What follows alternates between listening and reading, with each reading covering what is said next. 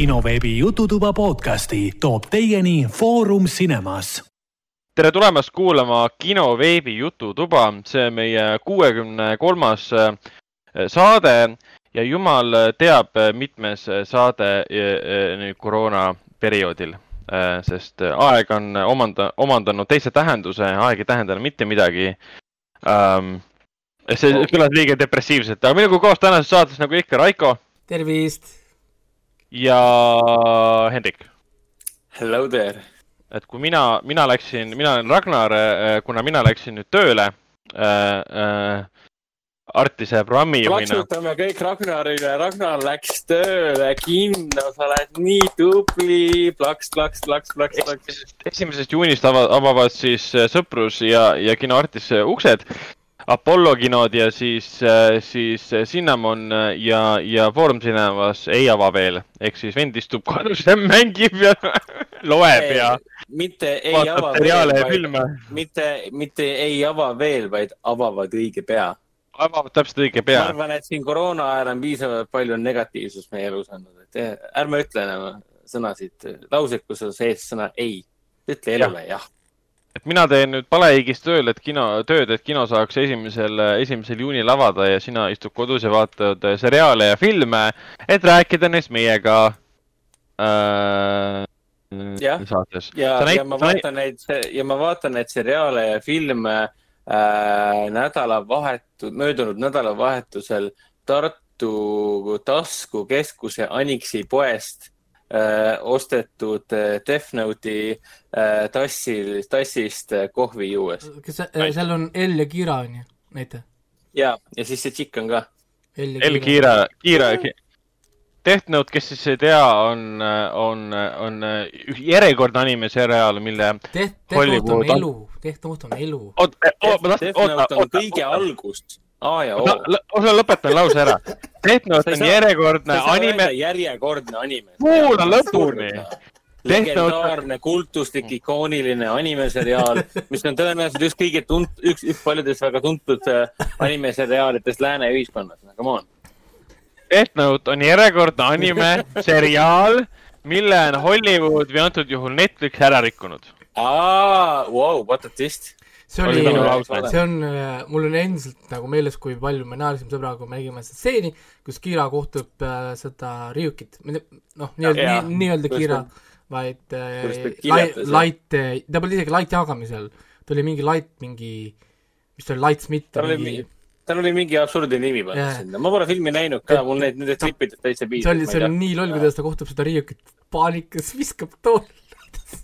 Ja karjub nagu väike tüdruk, mingi animesarjas oli, oli, oli Light selline, kuidas nüüd öelda, võimas vastane isegi surmale, kes vaatas talle kohe otsa, sai aru, kes ja, ta on. see oli lihtsalt tüüp no see kalkuleeris kohe ära mingi, et see, see on surm, tere surm no,. animes, animes Light käitus nagu inimene, kellel on IQ kuradi kakssada pluss.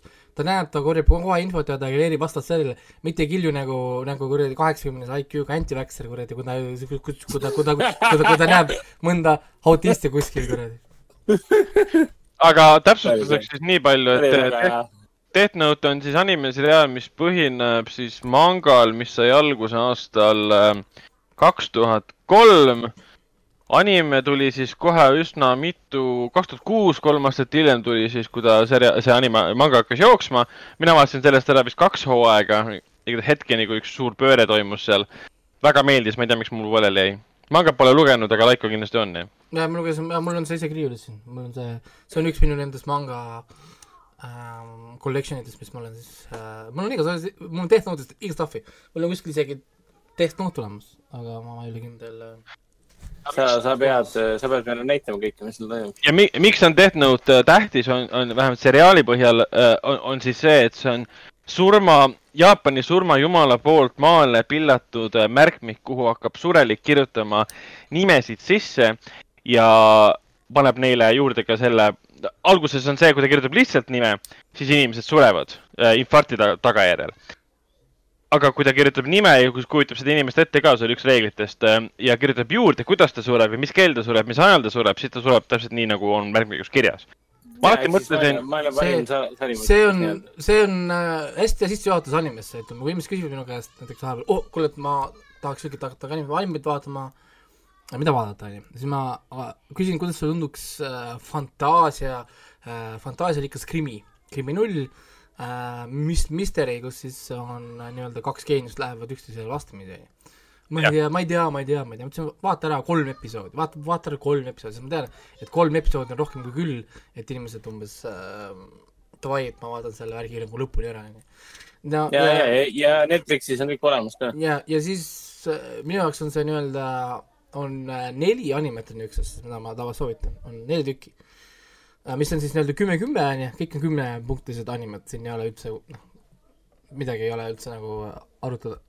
on Death Note, hästi lihtne vaadata, hästi kiirelt on algus lõpp ka, on ju, mis on animes, hästi haruldane, sest enamus animed saavad cancel ehk siis hästi, hästi relatable ka tegelikult. et, et me kahjuks ei, enamus animesid me kahjuks ei näe lõpuni kunagi, sest mangad kestavad forever, mangad saavad cancel võib-olla isegi kui anim ei saa, manga jääb pooleli, neil pole algmaterjali ühesõnaga, noh, nad, nad ei saa nagu lõpuni, sest enamus äh, animed, üheksakümmend üheksa protsenti animed on ainult manga põhjal. on ju, väga vähe on animes, mis tehakse originaalse, originaalselt algusest peale luuakse nagu anim, on ju. siis äh, on Code Geass mis on ka olemas Netflixis, kui tahad vaadata, samu, samuti algusest lõpuni väga sarnane Death Note'ile mm. -hmm. seal on lihtsalt see Zero ja siis nii-öelda, kuidas ta ise siis Britannia vastu võistleb. samuti, jaa, samuti täpselt samasugune element kui äh, Death Note'is sul on äh, see surmaraamat ja Ryuk, on ju, et siis sul on see üleloomulik element tuleb sellest, et äh, Light Yagami kui Skira saab äh, inimest tappa nii-öelda nagu üleloomuliku abiga, siis äh, Zero ja siis selle Code Geass ja siis tema saab omale võime vaadata inimestele silma ja öelda ükskõik mida iganes ja need inimesed teevad seda. ja siis hakkab selliselt ise, olles Britannia prints, hakkab Britannia vastu võitlema, olles siis jaapanlaste poolt. aga, aga selleks, et teda ei üllataks, ta võtab omale siis uh, Secret Identity uh, Zero. hästi põnev, hästi-hästi põnev, jumala hea krimi, väga sarnane pacing kui Death Note, väga sarnane niisugune build-up, hästi, ütleme hästi palju sarnane joonis tõmmata Death Note'iga, nii siis aga mis äh,, aga mis sa arvad sellisest animeseriaalist nagu äh, Ergo Proxy? oota, mul oli veel, ma, ma ütlesin. okei vabandust. et, et mul on. kolmas ka veel. mul on neli. mul oli neli oli neid. neli, vabandust. siis kolmandana ma alati soovitan Steins Gate. aa, sellest ma olen kuulnud. jaa, Steins Gate on minu arvates on kõige, kõige parem anime ever. no üldse kõige parem anime. aga ma, mul läks tohutult kaua aega, et sinnamaani jõuda, sest ta on äh, ta on hästi niisugune äh, keeruline võib-olla kohe pihta saada sellele. ma hakkasin, ma, ma hakkasin seda vaatama mingi vii-, viis korda. ma umbes, ma pakun nii palju, vaatasin ühe episoodi ära, igav, ma ei viitsi. Läks aasta-kaks mööda, kõik surusid mulle, vaata Steins Gate, vaata Steins Gate, võtad mingi listi lahti, top kümme animed ever, Steins Gate igal pool esimene, ma ütlesin, kopp, mul on kopp ees, davai. ma vaatan, vaatasin kaks osat, no see on ju jama, see on jura, on ju.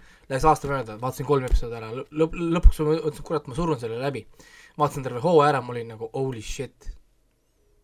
Holy mm. shit, see on ju puhas kuld. vaatasin kohe veel kaks korda ära, siis ma mõtlesin, issand, see on jumala perfektne lihtsalt. see on täiesti perfektne anime. aga, aga, aga sul on vaja saada seda tervikut pilti, saad aru? noh, nagu ehk siis kui sa niimoodi vaatad, sa ei saa mitte midagi aru, see on, see on sci-fi, see on love story, see on love story, ma, ma, ma ütlen talle kohe ära, see on love story, see on üks, võib-olla üks parimini kirjutatud love story ever on ju, see on love story, kus on äh, tugev element sees nagu SMS-iga saatmine tulevikku iseendale.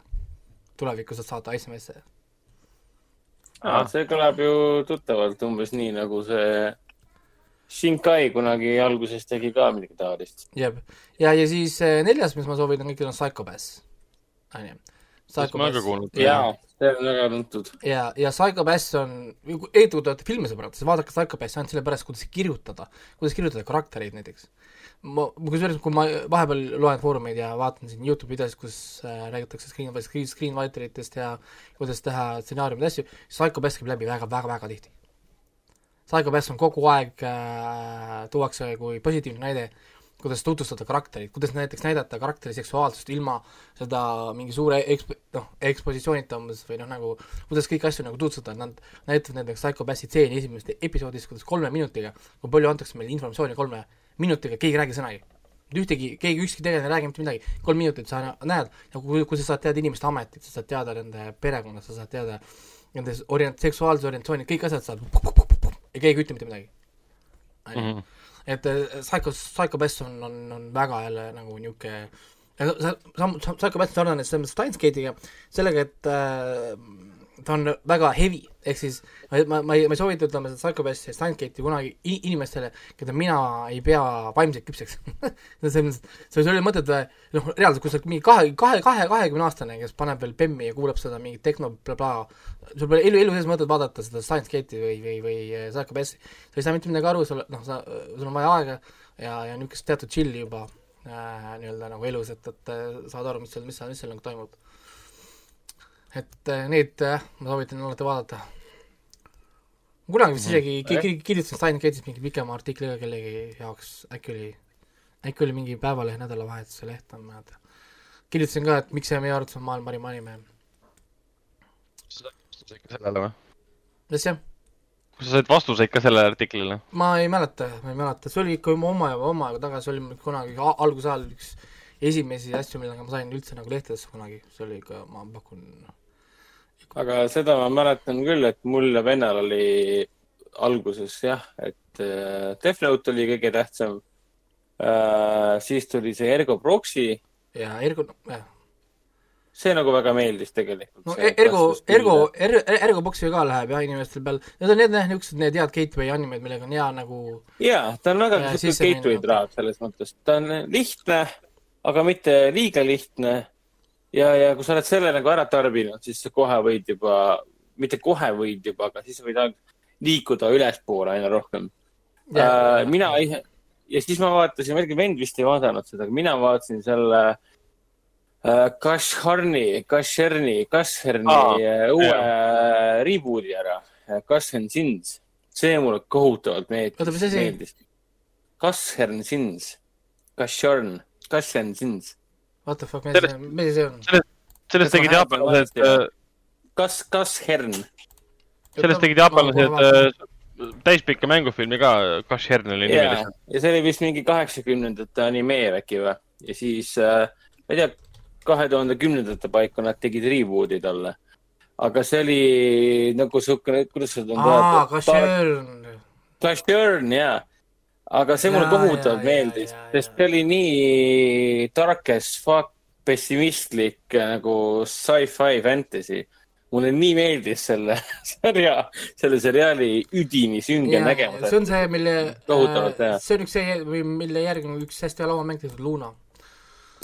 ja, ja seal oli üks tegelane nimega Luna, jah. on, on tehtud äh, üks, üks, üks väga niisugune under the radar lauamäng, raske saada, et sealt ma, mina jõudsin selle anime kunagi selle kaudu üldse, mina nagu ei teadnud, et see anime eksisteeris, kui ma ah, mängisin okay. ühte, ühte laomängu ja siis loeme reeglite raamatut, et oo oh,, based on popular bla bla bla, popular what?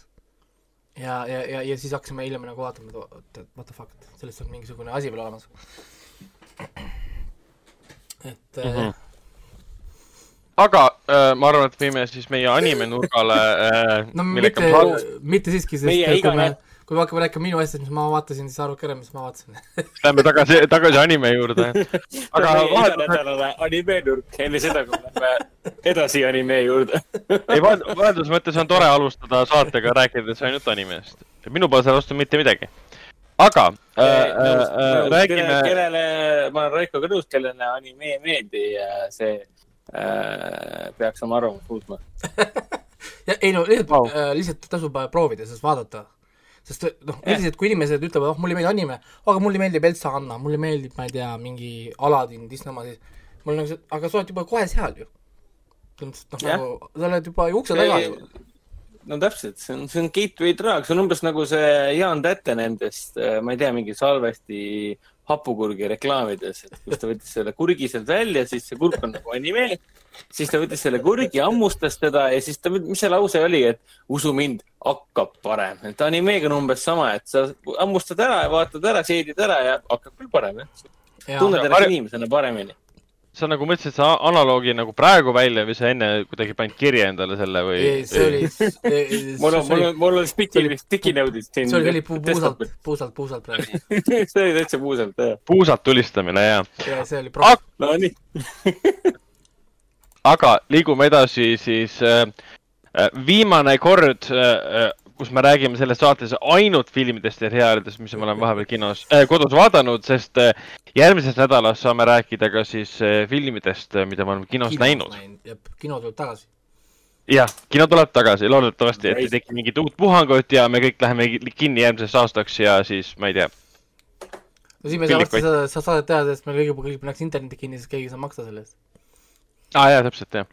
aga lähme edasi filmide ja seriaalidega, äh, mida oleme vahepeal kahe podcast'i vahepeal vaadanud ja alustame muidugi Raikoga.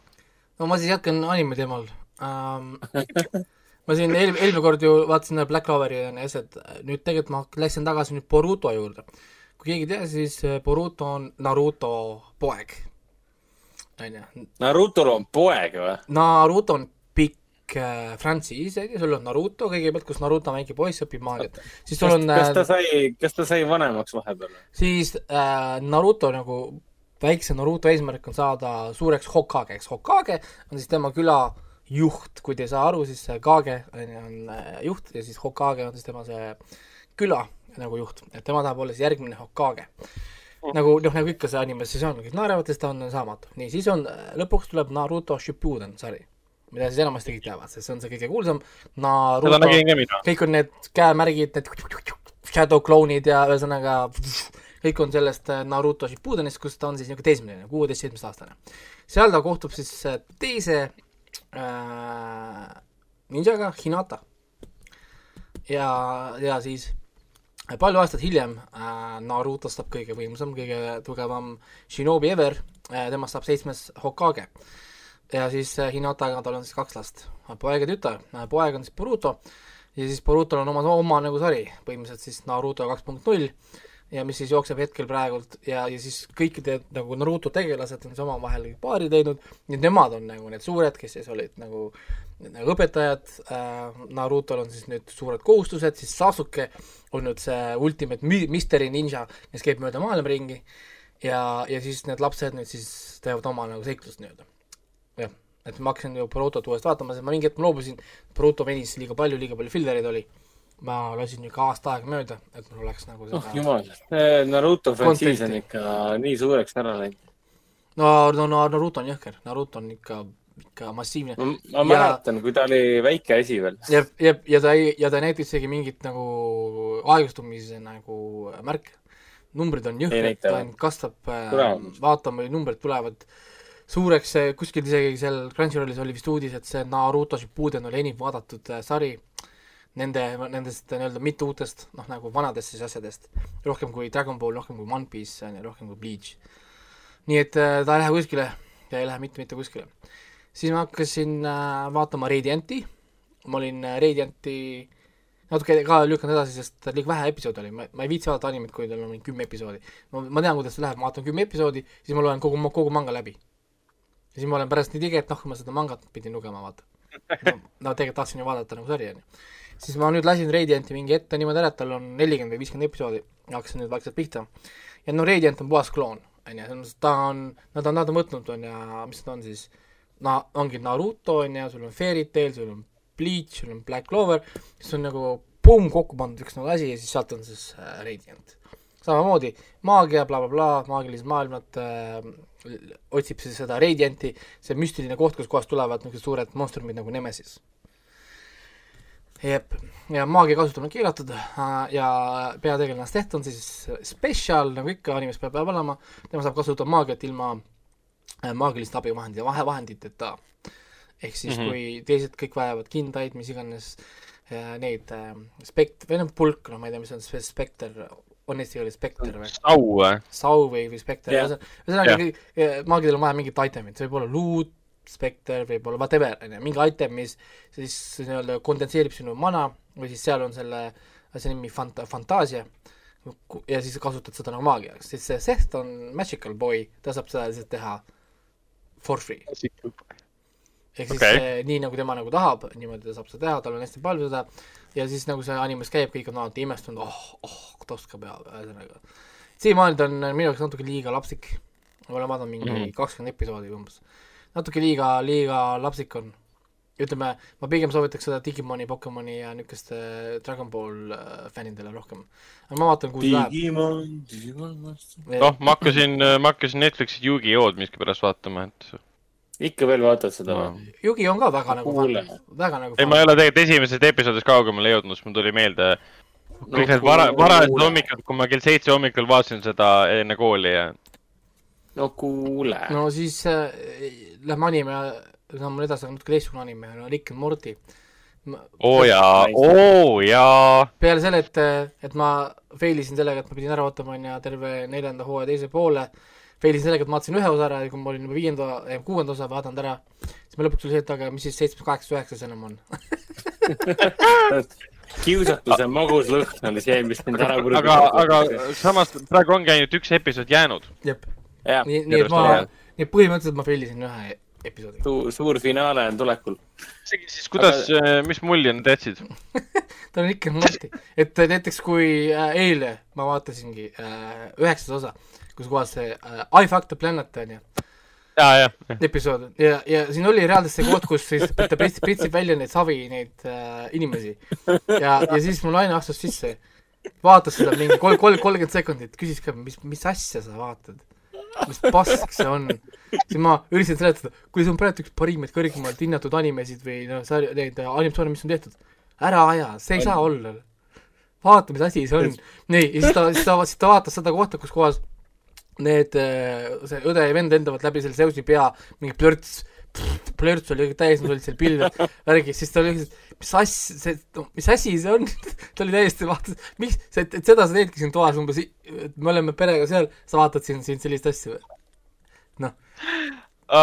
klassika et kusjuures mul, mul on enamik Rick ja Morty episoodidega niimoodi, et sa nagu paned tööle, mingi nädal aega möödas, hakkad vaatama ja siis esimese mingisuguse viie minuti jooksul umbes niimoodi, et mingi, mida perset.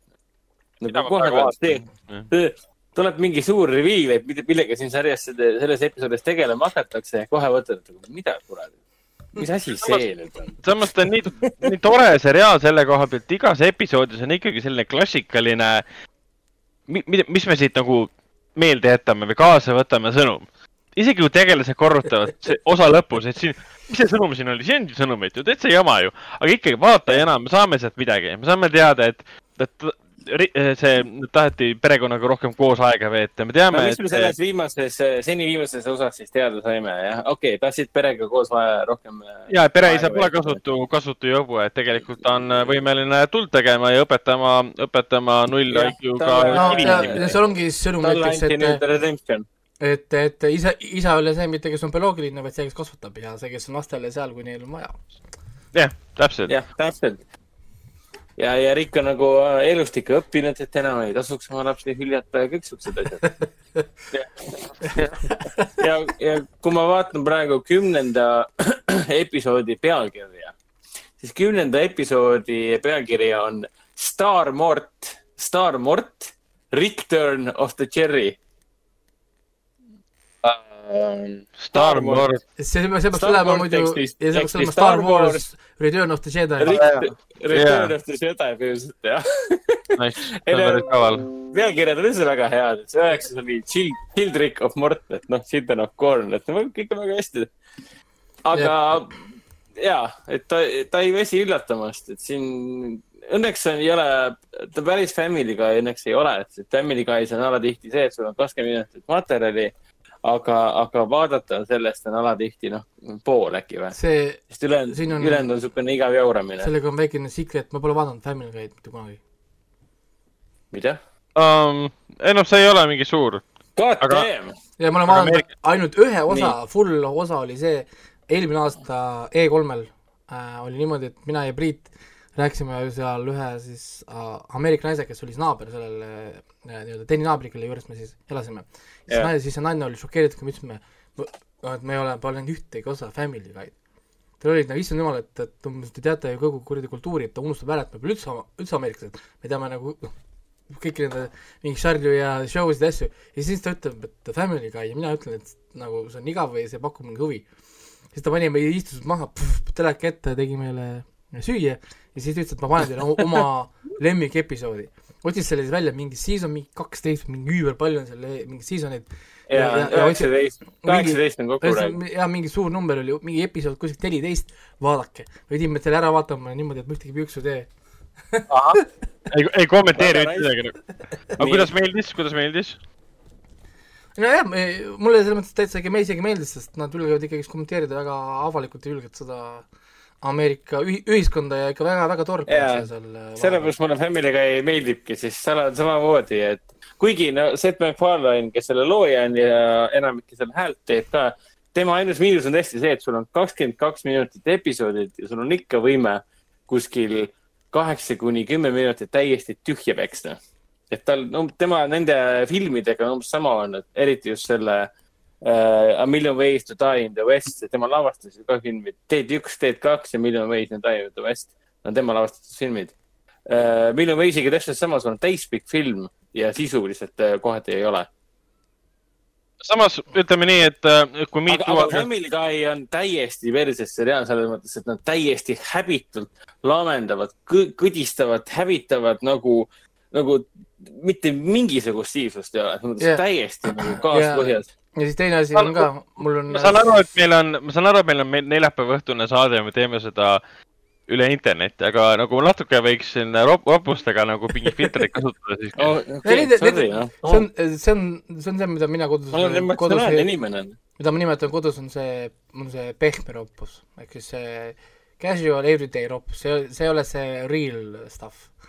see ah,, okay. et, et see ei ole see stuff, mida sa öösel kell, kell kolm õhtul, kui sa oma väikse varba ära lööd, onju et, et see on jaa, tõsi, tõsi. või siis, või siis nagu äh, minu poeg ütleb, et äh, need on need asjad, mida issi ütleb, kui ta mängib Tekkenit. jah, tõsi. kujuta ette, sa mängid Tekkenit ja samal ajal lööd oma võrba ära. ei, see on, mängite internetti siis ja vastasel on wifi, onju. ja siis äh, viie paari ühendus langeb kolme paari peale, onju. ja see niigi, sa juba üritad oma pulssi, kuradi internet on ju, ja, ja siis hakkab pihta ja siis tuleb mingi lag spike just sel hetkel, kui sa hakkad võitma. ja siis nagu, nagu üritad no, ja siis kaotad selle mängu ja siis, siis tunned, kuidas vere, veresooned peas niimoodi. siis on tõsi see, et is, issi on seestunud. Lähe, lähe, lähevad sind paksuks onju. kas me peaks preestri kutsuma? no ja siis äh, lähed vennaga uuesti mängima, tuleb lääle lag spike onju, kaotad, vend teeb key charge'i, paneb sulle quit ja saadab sulle kirja ka veel. no selge siis on see, et ma olen ostnud pileti, kus, kus iganes see vend on, ma lähen otsin ta üles, et aga, aga äh, tagasi, tagasi Family Guy juurde minnes, et äh, kas sul on nüüd siis tunne ka, et või tegelikult see oli E3-l, see eelmise aasta E3-l, kus sa vaatasid, et ilmselgelt sul vahepeal seda isu ei tekkinud selle ühe episoodi põhjal, et peaks nüüd ära vaatama? ei, mul on, ei, mul on küll, aga mul on kaval, ma ootan ära, kui terve Guy on läbi. kolmkümmend episoodi ah. või mis iganes ja pinsin ära selle, whatever, kui palju neid kunagi on ma lihtsalt vaatan ära kõik äh,. kas sa arvad, et see saab kunagi läbi või? kindlasti saab, kõik asjad saavad läbi. ja. ja, ja, aga nagu Simsonid on ka mingi kakssada aastat juba kestnud. no mis siis? ma, ma pole viimaseid uh..., viimaseid, ma pole mingi Simsonit mingi viimast viisteist hooaega vaadanud ühtegi episoodi. no sama. seal on samamoodi. vist kümne, kümnenda peale ära, et. et, et ma kunagi kavatsen tagasi vaadata, aga ma arvan, et ma teen seda lastega koos või, või mingi noh, mingi niisugune huvitav asi. samuti on mul näiteks, näiteks South Parkiga ma jätsin pooleli kaheksandal hooajal, kunagi vaatan, vaatan edasi, ma ilmselt noh, mul ei ole, pole mõtet neid nagu neid iganädalasi asju mingi forever hoida, ma lihtsalt nagu noh, ma ei jõua jälgi, jälgi pidada, kus ma, kus iga sarjaga olin, ma kas vaatan South kohe ära või siis mitte nagu, et kuna South Park on tasuta netis saadaval, siis on, ma olen jah, nagu, nagu järje peal olnud tegelikult. aga ma enam ei mäleta, mis, mis hooaeg mul reaalselt. mul on, mäletan, et mul on. PC Police ja kõik need asjad olid teemas. mul on üks, mul, mul üks sõber kogu aeg saadab, saadab mulle neid South Parki nalju. nii et ma olen tegelikult nagu nal-, nende põhjal juba näinud tegelikult väga palju South Parki, sest noh, ta kogu aeg saadab mulle mingeid klipikesi, noh, ja ma olen neid aastaid kogu aeg nagu vaadanud ja siis tegelikult nagu, kui niimoodi võtta, ma olen ikka väga palju South Parki näinud, aga full episoode tegelikult noh, nagu pole ammu vaadanud vist, oli mingi kaheksas kuskil kandis minu arust oli, kui ma lihtsalt jätsin pooleli, sest ma tundsin, liiga palju stuff'i oli. no see oli veel too aeg ka, kus kohas kõik, kõik sarjad jooksid iga nädal üks episood, on ju. ma mäletan, mingi ja, moment ja, näiteks ülikoolis oli mul ka, mul oli eraldi märkmik, et pidada lihtsalt järgi, mis kuradi päevadel ilmuvad äh, sarjad teisipäeval oli, oli, teisipäeval Fringe, kolmapäeval Lost, mingi noh, nagu mingi lõputult nagu list, see kogu aeg nagu noh, ja see oli nii keeruline, nii väsitav oli see nagu ja lõpuks lihtsalt ah, ma vaatan kunagi, kui nii-öelda kõik on valmis. meie omal ajal hoidsime silma peal sellisel saidil nagu bookdesign.co.uk ehk siis sa paned Google'isse tv kalender äh, ja siis sealt me vaatasime alati, et mis järgmisel päeval vaadata, et ahah, selge, et täna tuleb välja Fringe mm,. okei okay,, Fringe on halb näide, mingi teine seriaal, mis jookseb Ameerikas nii-öelda. ahah, täna tuleb see välja, järelikult homme saab vaadata. selge, ja nii edasi, aga enam sihukest asja pole ammu teinud, et äh, ma lihtsalt teen sama, sama asi, lihtsalt ei jaksa. no jõuad. ma vaatasin, et, ma vaatasin, et panen äh, South Parki kahekümne kolmest hooajast ära vaadanud äh, kuni kahekümne esimeseni. ma olen väga tubli olnud kakskümmend kolm hooaega, what the hell. kakskümmend kolm hooaega, jaa. Holy crap. ja see, see, see läheb mingi kümme aega, nii et. ja, ja see läheb järjest aina paremaks, järjest paremaks. vot seda ütleb mu sõber, sõber ka, et ta läheb paremaks, jah. ja see on HBO, HBO või see Vana Brother ostis mingi meeletu summade eest need õigused ära ka, et näidata HBO Maxis seda ja. ja, ja, ja, ja muidugi South Parki ma tegelikult soovitaksin küll vaadata selle koha pealt äh, nagu, nagu siis, kui ta tuleb puhtalt tänu sellele, et siis on see. no see on see kaasajaline. Impact on suurem ja, sest ta, ta võtab kohe selle teema käsile, mis hetkel on nagu suures, suure kella külge pannud ja siis ta laastab selle kuidagi omal South Parkilikul viisil ära. et siis ta võib-olla impact on suurem, aga tegelikult no, ma lihtsalt arvan, et nii, nii on vast kuidagi äh, ägedam yeah.. ma saan aru, et Ragnar tahtis midagi öelda, siis ma segasin vahele kogu aeg äh,. ei, ma ei tahtnud midagi. Raiko, mis sa veel vaadanud oled? See, ma vaatasin ära selle äh, Netflixi stand-up'i, mis tuli siin, Patton Oswalt oma I love everything special. aa, õigus, õigus. Patton on tore. ja üllatavalt ropp oli. ma ootasin, et ta on vähe niisugune leebem ja vähe niisugune kodusem, aga Patton ropendab. aga ei, ta ei ropendanud, lihtsalt naljad olid ropud.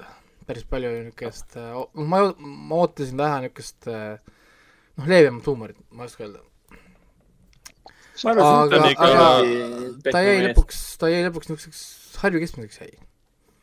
parem kui muidugi enne... parem, parem kui see Seinfeldi jura, on ju, aga, aga mitte kindlasti mingisugune Louis CK või mingi noh, nagu niisugune Harju keskmine, ei ma ikka naersin küll, selles mõttes, et seal oli ikka kohti, kus ma naersin, aga ma pakun, et ikka pool või peale ma sujuvalt lihtsalt tegelikult vaatasin kuiva näoga, et et, et no, no, noh ta no natuke poliitikat tegi ka, et õrnalt viskas Trumpi sisse ja enamus ta rääkis ainult oma perest ja naisest ja ja lapsest ja mis on üle, üllataval kombel mees, meeskoomikute mingi lemmikteema, rääkida oma perest ja siis kuuled naisi, kes räägivad ainult oma kuradi hargivahest. väga veider. nagu väga nagu, väga nagu veider äh, situatsioon. nii, siis äh, ma vaatasin Magic for Humans season kolm, mis tuli välja nüüd mingi hiljuti Rää,. räägi meile, mis asi see on? See on, kas see on Just... nagu mingi David Copperfieldi teema see on Justin Williamsi special, Justin Williams on siis mustkunstnik. kuna mina ise kasvasin ka üles mustkunstnikuna, mul isegi kaardipakid ja asjad siin igal pool alati üles. sa oled on... nagu Howard, Howard Big Bangist? siis mul on äh, suur huvi alati must, mustkunsti erinevate säärade vastu. ma kunagi vaatasin kogu aeg seda Chris Angel onju ma vaatasin ära kõik David Copperfieldi spetsialid, ma käisin neid live vaatamas äh,, noh üldse kõik nagu need show'd, siis minu alati niisugune huvitav äh, äh, niisugune challenge oligi see trikk välja mõelda, nagu siis ma läksin koju, panin selle kirja, tegin oma trikiraamatu nagu. noh, kui ma panin kõik trikki kirja, mida tegi Copperfield tegi, mida Chris Angel tegi, kaarditrikid on ju, mis nad kõik tegid. siis ma ise hiljem äh, ostsin siis äh, Sven Kaali, oli siis kunagi üks matemaatikas, ma mõtlesin kaarditrikke välja, ostsin tema raamatu ja siis ise hakkasin kaarditrikke nagu õppima ja siis ka tegema, disainima. hiljem, hiljem selgus, et minu talent ei olnudki nii väga kaarditrikk tegemises, vaid hoopis nende disainimises rohkem kui nagu mitte. ja siis ülikooli ajal, et ekstra raha teenida, siis ma näiteks disainisin kaarditrikke Penguin Magicule, kes siis äh, tegi videosid e-Bombs World äh, ja hiljem ka siis Youtube, kui Youtube tuli, hakkasid siis, alustasid Youtube'i, mina siis seda trikki, nemad saatsid mulle sellest raha ja siis äh, tegid ilusti videosid ja müüsid neid trikke siis teistele edasi. et kas on äh, midagi ja, siin maailmas, mida sa teinud ei ole või? ma ei tea, mingi hetk ma, ikka päris palju asju ma pole teinud. okei okay., anna siis, vasta, saame teada, mis see on aga, aga jah, ma lihtsalt noh, mul on jah siin igasugused kaardid ja asjad, ma teen lastele kaarditrikke ja õpetan neil äh, slide of hand asju. näed, siin on, kaamerast näitan praegu, pokkeri suurus ja bridži suurus kaardid. Bicycle okay., Bicycle, Company siis toodab äh, hästi äh, kvaliteetseid kaarte. ja bridži siis äh, kaartide erinevus seisneb milles? laius, vaat, ma ei tea, kas sa saad aru, aga need kaamera, aa, natuke, jah, nüüd ma näen, nüüd ma näen. jah, pokkeri suurus on laiem ehk siis teatud trikkide jaoks on parem, kui sul on pokkeri oma, näiteks tabelühti on teha lihtsam laiade kaartidega, aga slide of hand'i üldiselt minul on väiksem, väiksemad käed, siis mm -hmm. on teha valem bridži kaartidega äh,. okei okay. Ja, aga, aga Magic for Humans ja Magic for Humans on siis Justin Williamsi Netflixi show, kus ta siis otsib mingi teema, on ju, iga osaleja paneb pealegi, näiteks traditsioonid äh,, perekond, võtab lihtsalt ühenimelise niisuguse teema ja siis ta räägib nagu sellest teemast ja siis ta nagu teeb selle teemaga siis nagu trikke. ja siis tema ise muidugi väidab, et umbes kõik tema trikid on nagu unedited, eks kaamera lihtsalt filmib ja tema teeb neid trikke, mida mina muidugi ei usu, seal on mm -hmm. päris mitu trikki, kus kui ta ei teinud neid kaameratrikkidega, siis ma reaalselt tahaks teada, no what the, what the, what the hell. nagu efekt ikkagi, see ei tundu nagu reaalne, et seda saab teha kaamera sees ja selles mõttes, et nagu noh, sa saad cut ida, sa saad edit ida teatud asju teha, vaata ju kaameraga, mitte noh, laivis teha ei saa. aga noh, ta ise väidab, ma lugesin ühte intervjuud, ta ise väidab, et kõik, kõik, kõik trikid on uh, unedited, ehk siis kaamera filmib, tema teeb kogu triki ikkagi nii, nagu rahvas reageerib sellele, on ju. ta käib tänavatel ringi, ta käib koolides, ta käib noh, kohtades ringi teeb inimestele erinevaid trikke, noh, nagu vastavalt on, on ta, on ta siis nagu hea ja huvitav või? Justin Williams on oh, väga, on väga hea mustkunstnik. nagu ta kunagi, tal oli TV-film ka, oli vist Light of Mouth, sest ta on tegelikult ta on hästi humoorikas ise ka, tal on, ta on, ta on hästi hea kõnega, ta on hästi hea esineja. ja ta, ta võiks tegelikult minu arust täitsa vabalt olla stand-up koomik tegelikult. sest noh, tal on niisugune, ütleme, ta on väga noh, umbes sama, mis, mida kõik kiitsid David, David Copperfieldi puhul. David Copperfield oli nagu täis artist, ta liikus hästi, ta tantsis hästi, tal oli niisugune hea kõnepruuk, ühesõnaga ta oli nagu, nagu mitte ainult mustkunstnikuna suurepärane, vaid ta oli ka äh, esineja ja asjad nagu suurepärased, näiteks samal ajal kui Chris James ja Angel on mustkunstnikuna kõvasti parem kui David Copperfield, siis Chris Angel polnud kunagi nii hea esineja kui David Copperfield. ehk isegi isegi, kui sul on paremad trikid, sa oled parem nagu mustkunstnik, kui sul ei ole sellist nagu show elementi või sa noh, sul ei ole niisugust ma ei tea, karismat või kuidas seda nimetatakse, siis sa ei saa noh, või noh, sa ei saavuta teatud nagu, nagu edu. Justin Williams tegelikult on kõik olemas, aga ta lihtsalt ei ole läbi nagu löönud sest äh, täna, täna, tänasel päeval ma ei tea, kunst, kunst, kunst on nagu teemas, aga inimesed on jube skeptilised, sest kõik on nagu kaameratrikid, on ju, kõik on äh, Photoshop, on ju, kõik on mingi trikk, trikk, trikk, trikk, trikk, trikk, trikk, mis on tegelikult nagu Magic ongi trikk, see ei ole ju, keegi reaalselt ju ei, ei kõnni läbi seina, on ju, keegi ei lenda tegelikult, on ju, see ei ole et, et äh, mis, millest ongi see kunst, see osa, mida sa tegelikult lähedki vaatama, kuidas ta suudab nagu luua seda illusiooni sinu jaoks nagu ainult oma käte ja jalgadega ja, ja, ja noh, ühesõnaga nende asju, aga huvitav jah, et ta pole nagu ikkagi suurt globaalset edu, edu pole saavutanud, on ju, täna on ikkagi David, David Blaine on vist see nimi, keda kõik siis äh, räägivad ja vaatavad. isegi mina tean ähm,. siis äh, Netflixiga on tal väga hästi läinud minu arust ja mulle see väga meeldib, ta on väga niisugune leebe, ta on leidnud oma nagu sti-, stiili. see ei olnud nagu see Chris Angeli see Mindfreak. kunagi ma vaatasin Mindfreakiga, Chris Angel oli ABC peal mitu-mitu hooaega jooksis Mindfreak sari, kus ta samamoodi käis tänavatel ringi, inimeste kodudes, tegi, saad aru, noh, nagu sama, täpselt, täpselt sama formaat tegelikult, mis oli see.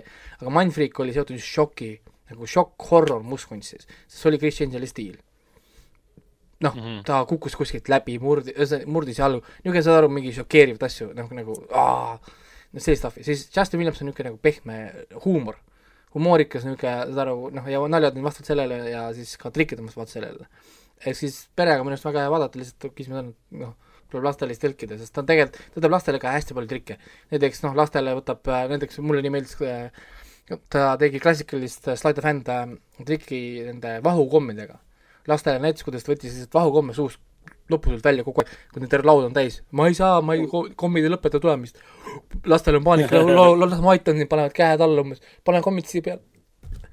onju, noh ja siis, noh ühesõnaga niisugused nagu asjad, mis on tegelikult nagu väga niisugused hästi ootud ja kihvtid, et minule väga meeldib see selles mõttes sari. kuigi ma ei ole endiselt veendunud, et ta kõik trikid teeb ikkagist äh, puhtalt, sest äh, seal on paar, noh, ma ei, ma ei ütle konkreetset trikit nagu, aga seal on teatud trikid, mis noh, mina ei tea, kuidas yeah., kuidas neid isegi nagu teha niimoodi, sellise kaameranurgaga ja, ja vaata, probleem ongi, noh, kui sul publik on nagu a la nurk, ma ei tea, kolmkümmend kraadi, kaamera on nagu viiskümmend kraadi, siis sul on noh, juba kaks, kaks nurka on kaetud.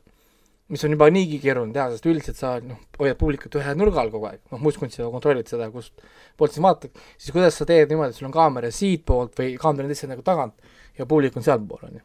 noh, teatud asjad, mis on nagu noh, ei tohiks tegelikult nagu olla okei. Okay.. see on ju see tegelikult see suunamine.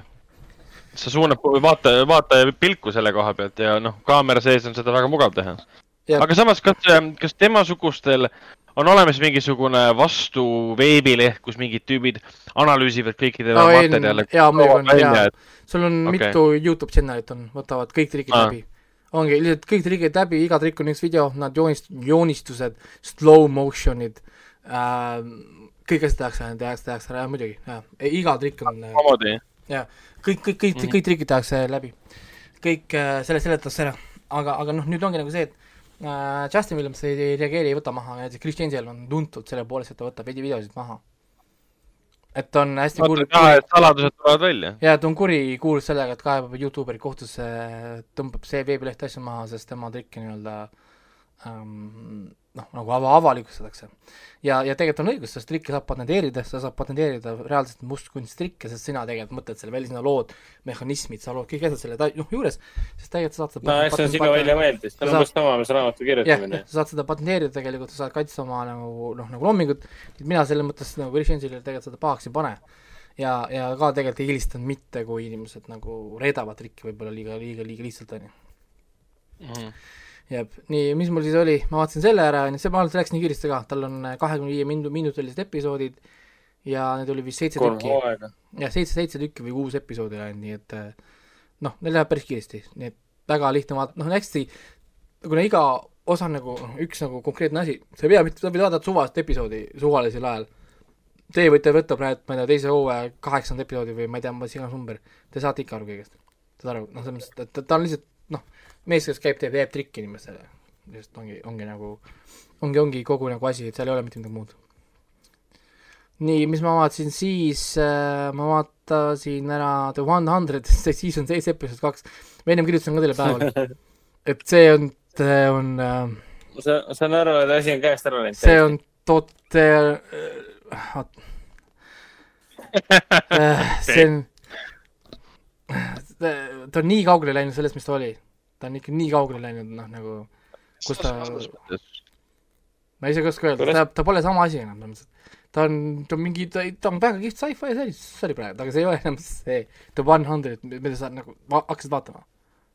see pole mm. mitte midagi pistmist sellega, nagu see e esialgne premiss on ju, millega mind sisse tõmmati, et oh, sada noort saadetakse orbiidilt maa peale no,, mis on mingi radiatsiooni all, nüüd on mingi nonsense on ju, osa inimesi on time dilationi seadmega, elavad musta augu kõrval mingis X planeedi peal, kus kohas äh, nende aeg liigub nii, nii kiiresti, siis need teised on kuskil teise planeedi peal, uurivad mingit salapärast seadet, elavad hoopis teises ajavööndis või tsoonis, on ju, siis nüüd on sul planeetide peal seadmed, mis on täpselt nagu fucking Stargate on ju, aga Stargate'i asemel sul on ikka nagu mingi muna, munakujuline näo, mis on täis sümbolid samamoodi, pead vajutama noh, sümbolid nagu Stargate, plim-plim-plim-plim-plim, õiges järjekorras tead õiget seda koodi, avab see anomaalia, lähed sinna ja siis see teleport transpordib sind üle tähtede maagiliselt, pumm, kohe sinna teisele planeedile. ühtegi uut ideed päikese all, nii et pole, noh, pole ime. no, et, et kust nagu see nüüd äkki tuli? täiesti crazy, täiesti crazy nagu, nagu, nagu noh, ma, ma ei tea, ma ikka vaatan edasi, aga lihtsalt ma olen, praegu ma pigem vaatan juba selle pilguga, et no nii, kuhu me nüüd läheme noh, nii et noh, nagu okay. kuhu me nüüd saame veel nagu vaata minna, onju, et äh.... aga samas, samas kui seriaalis tuleb järjest niivõrd palju üllatusi, siis ühel hetkel see ei ole enam üllatav. see jah, et ma tahaks teada, kuidas see lõpeb, see on viimane hooaeg, nad ju ütlesid ette, see on viimane hooaeg, kuusteist episoodi, see lõpeb ära täpselt sajanda episoodiga, onju. kuhu see nagu läheb? kuidas see nagu lõpeb, nagu ma väga tahaks teada. ma väga tahaks teada, et selles mõttes, noh, selles mõttes nad on ikka suut hu-, hu-, hu huvi tekitada küll ja, ja nüüd äh, viimane asi, mis ma vaatasin, oligi siis nüüd, kui äh, see, ma ootasin teid, ma hakkasin vaatama siis seda Ash versus Evil'i kolmandat äh, hooaega. Evil Dead tuli nüüd Netflixi hea vaadata, kohe jälle saab kõik ära vaadata. kas see nüüd tuli see nädal kolmas hooaeg? ta on vist ma ei tea, kas see nüüd, ta just nüüd alles tuli. mulle tuli see notification nüüd, mingi eile vist tuli. et äh, on, jah, season, season three on nüüd äh, saadaval ja mul oli esimene kaks vaadatud ilusti, siis ma hakkasin vaatama ja ma ikka naersin ja see on nii hea horror huumor, et äh, see on, on nii, see on nii loll ka vahepeal, et nagu what the heck, one-linerid, lihtsalt one-liner, one-linerid otsa ja, ja shotgun ja, ja, ja, ja chainsaw siis see oli tore, et ta et ta siiamaani, see oli nagu yeah.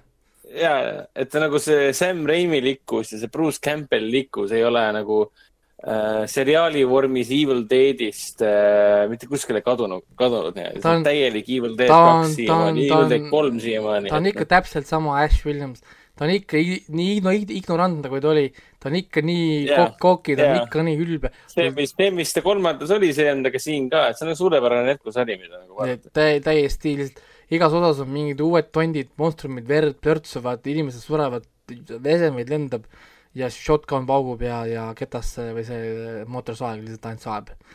ja enamus koll, enamus ja enamus kolle on tehtud äh, praktiliste efektidega yeah., mis on päris, äh, päris äge sellise seriaali kohta, mida lasi välja nüüd Stars, jah?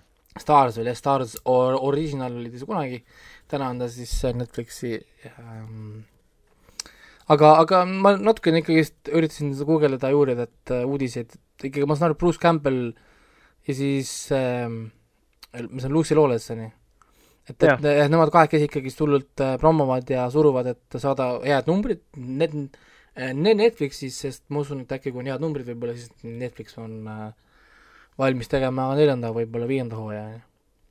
ma, ma arvan, et Netflixil poleks, poleks midagi selle vastu, kui nad panevad raha alla seriaalile, kus on Sam Raimi taga. see on juba selline suur nimi, juba see, et hakkab Marvelile järgmist seda Doctor Strange kahte lavastama ja kõik see.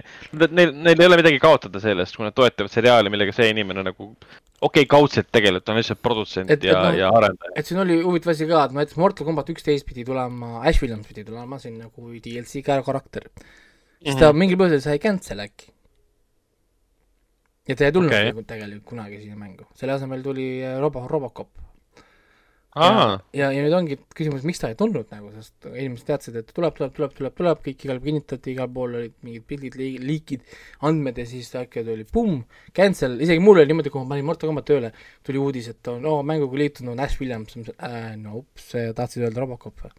ehk siis mängus sees isegi oli nagu muutmata jäänud noh, nagu see vana info, vaata et ei tulnudki meile mingi, mingil põhjusel, et kuskil on mingid, mingid käärid siis sees, kuskil mingid äh, inimesed ei suuda jagada õigused või ma ei tea, mis, kuidas, miks äh, need asjad ei lähe nii, nagu peaks. see karakter peaks kuuluma ilusti ainult Sam Raimile äh,. sest ta ise produtseeris need esimest kolme filmi, kõik ise tootis. okei okay,, seal võib-olla kolmandaga, ma ei tea, kes seal seotud enam oli, Fox äkki või, siis ma saan isegi aru. vaatame, Evil Dead. kas ta 3. neljanda produtseeris ka ju? Jaa, aga kes selle, selle taga oli re? Reboot sequel'i. Sony, Sony levitas, sest Sonyl võivad olla õigused, jah. mulle see reboot väga meeldis. jah, mulle ka uh,. ma olin väga rahul selle, selle, kuigi ainuke asi, mis, kuigi tegelikult mitte ainuke asi, tõesti, et noh, ütleme nii, et enamik on harjunud ju Evil Deadi ja, ja Ashiga äh, ehk siis Bruce Campbelliga sellisel kujul, et, et ta on nagu naljakas sest noh, Evil Dead kaks, Evil Dead kolm toimusid uh,. aga mulle väga meeldis see, et nad tegid nagu tänapäevaste vahenditega esimest uuesti. ehk siis nad tegid nii-öelda anti-Evil Deadi, sest noh, Evil Dead esimene oli ikka täielik uh,, täielik uh, madala eelarvega põlveotsuse tegemise film nii-öelda. mille Sam Raimi hädavaeva valmis sai tegelikult.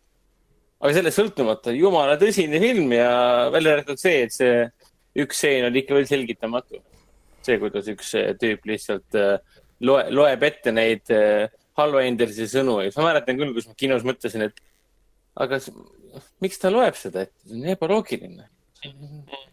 ei pea kõike igast mitte ette lugema. muidugi seriaali puhul on see, et seriaal ikkagi on ilmselgelt selle Ash, tähendab Evil Dead Army of Darknessi põhjal loodud.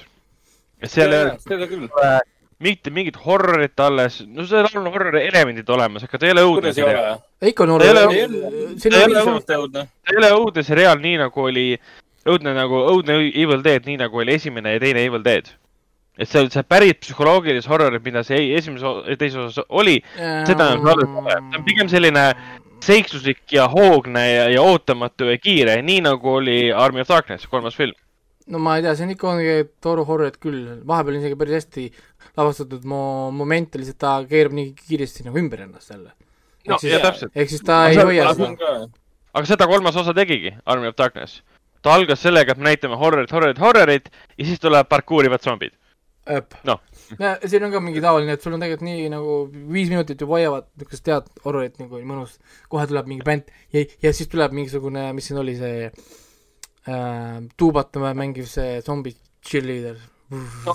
ja siis hakkas, hakkas see trumbidega seda soolot, soolot, ja, siis see Ash Williams segab teda, siis on umbes solvunud, et hei, this was my soul no, no vot, ehk siis seda ma tahangi öelda, ta on kolmanda filmi eeskujul loodud seriaal, et ta ei ole nagu teine film, kus Ash on üksi kodus ja läheb hulluks ja vaatab, kuidas nukud räägivad. see on okei okay,, see on okei okay., see, see, see suund, kuhu Evil Dead on välja läinud, see on väga okei okay.. Sam Raimi tegi selle. see on nii hea huumor, see on, see on nii hea huumor.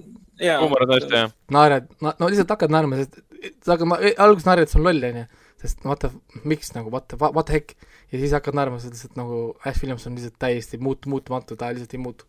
Ükskõik kui lolliks või hulluks siis situatsioon läheb, tal on ikka aega oma see sigar äh, põlema panna ja ikka on, ikka, ikka on aega öelda mingisugune äh, eriti loll one-liner.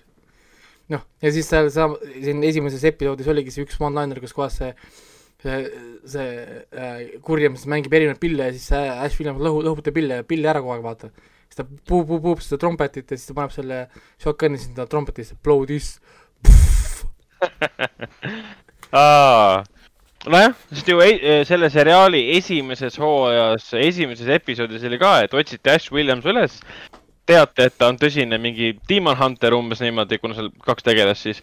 ja kui nad ta lõpuks leidsid, siis leidsid mingisuguse joodikust vanamehe, kes elas kuskil treileris kes pani endale, enne väljaminekut pani endale korseti külge, et kõht sees välja ei paistaks põhimõtteliselt ja vanas hiilguses elab superstaar. ja ta noh, kommenteeris kõiki, kommenteeris ennast, mis asi on Ash Williams, asi on Evil Dead ja, ja nii edasi ja Bruce Campbelli karjääri ka põhimõtteliselt, noh.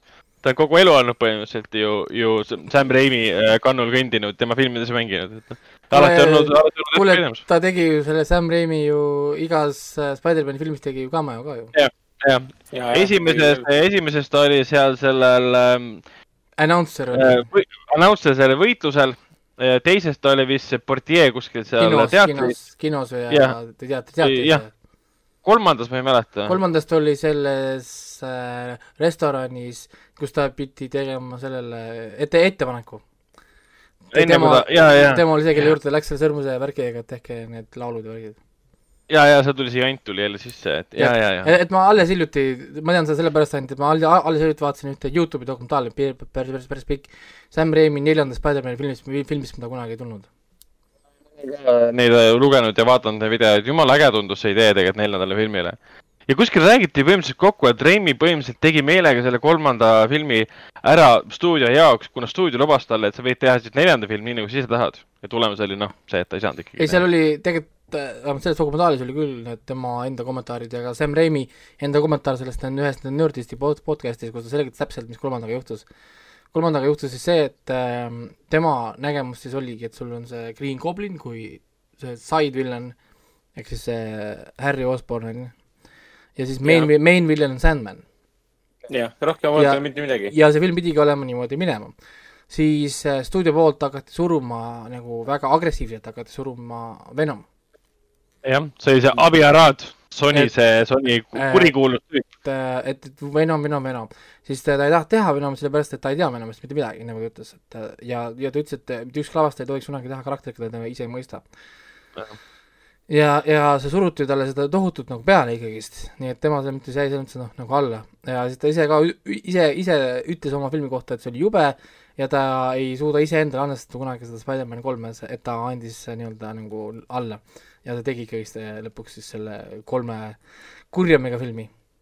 jah, jah, ja, ja eks ta, ta vist ise, ise seda välja öelnud ka, et see tantsutseen ja kõiksugused asjad olid temapoolne nii-öelda fuck you stuudiole ka olnud ja umbes nii, et. see oli naljakas, et kas stuudio ise sellest aru ei saanud või? Et ei, ma ei tea, oli, oli, oli, oli musta rea või noh, okei okay,, presenteeritava rea läbivaatus ja siis mitte ükski stuudio no, aga, või no, mingi no, punane tuluk ei läinud põlema. no selles mõttes raha teenisid ju niikuinii ja siis seal no, selles, selles dokument, dokumentaalis rääkis ka näiteks, et kui nad tegelikult seda neljandat onju, neil oli tegelikult storyboard valmis, full storyboard oli valmis, neil olid juba mingid location'id juba paigas, päris kaugel oli tegelikult oma production'iga. ja siis hakkas sama asi pihta, et tema oli välja vaadanud uh, ühe main villani vist oli, oli see Hawk Hawkman või?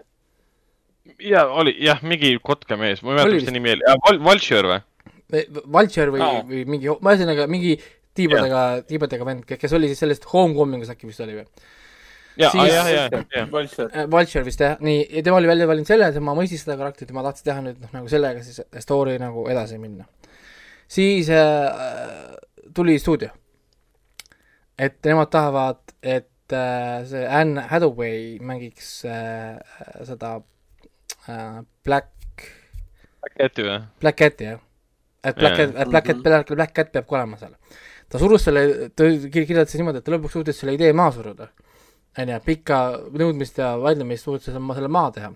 ja läks kaks nädalat, mööda, siis tuli stuudio uuesti. Nad, see, nad tahavad teha veel lisaks ühe female vulture'i, keda mängiks Anne Hathaway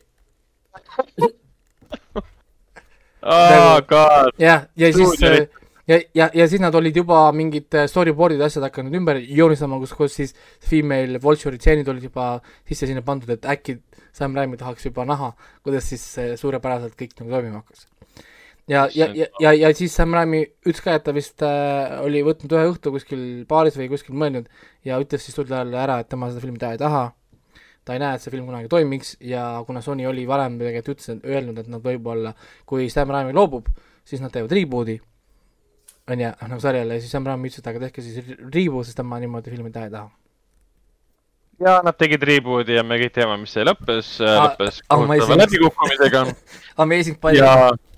ja kus, esimene kus... oli isegi okei okay film, siis tuli teine, mis oli esimene oli okei okay film. ei no ta oli filmi näod oli talutav, tal oli mingi loogika taga, ta ei olnud hea Spider-man'i film.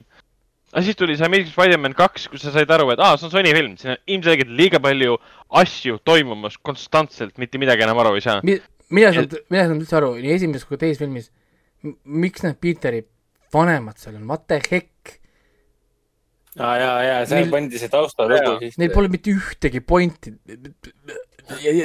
ma mäletan, ma olin, võtsin peas kahe kinni, kui ta leidis selle kalkulaatori seest, oma ja, kalkulaatori seest leidis mingid vanad metroomündid. ta läheb metroosse, mingi fucking rong tuleb maa seest välja. keegi kuskil ei öelnud, et see on nagu mingi nonsense või? keegi kuskil, mitte üks inimene, kes kogu selle projektiga oli seotud, ei öelnud, kuule äh,, meil on tead kerge niisugune believable, noh nagu usu, usutavuse äh, mure siin kalkulaator, aga, kes, kes hoiab kalkulaatorit alles? onju, nii, siis ja siis ta läheb sinna ja siis ta avastab, et isa on disaininud need kuradi fucking äh, ämblikud, et umbes nagu Peter poolt accident, mis on tegelikult Spider-man'i point, onju. aa, õigus, jaa, õigus, jaa, ma mäletan. et see on, et see, see on umbes. süüdi, et tema jaa, poeg on Spider-man. issand, okei okay,, nii. You are meant to be nii-öelda. nii, hästi, hästi kiiresti veel, siis ma nagu, ma ei saanud sellest aru. Amazing Spider-man'i kogu nagu süsteem, Spider-maniks saamine oli kättemaks, mis tuli kõige idiootlikumas viisis, kuidas see onkel Ben sai surma. mitte keegi ei pidanud selles õnnetuses saama surma, sellepärast et Pätt jooksis nii, nii, niisama minema. seal, selle tseen oli, esiteks selles tseenis on kakskümmend viis küsimust, mida keegi tõenäoliselt kunagi ei vasta. see oli nii loll tseen.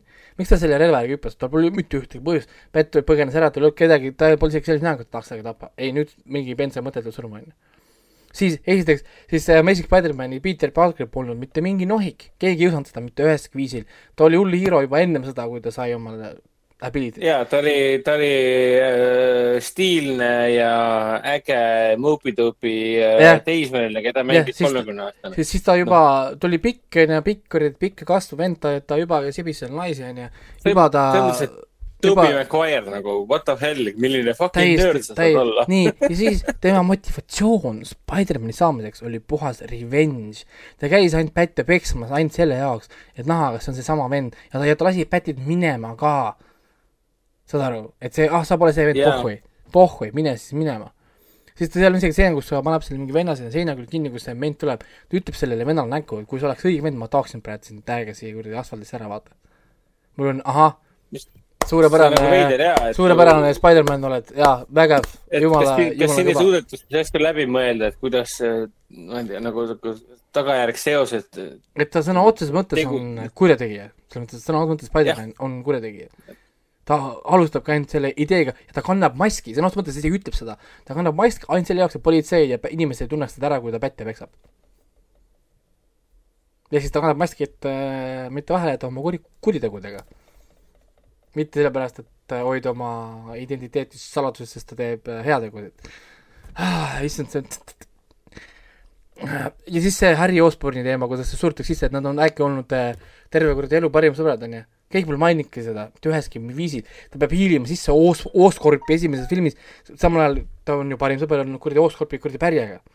miks sa pead sinna sisse, sisse hiilima siis, noh, noh nagu what, what, siis täiesti idiootsus, siis on mingisugune salapärane Osborne'i needus esi- ah,. ja, ja tuleb meelde ja, ja see me, haigus me, mingisugune välja mõeldud. nii, siis mingisugusel imelikul viisil see kuradi Harry Osborn võtab, võtab kätte, et oo oh,, sul oled ju Spider-man, et sinu veri saab seda ravida.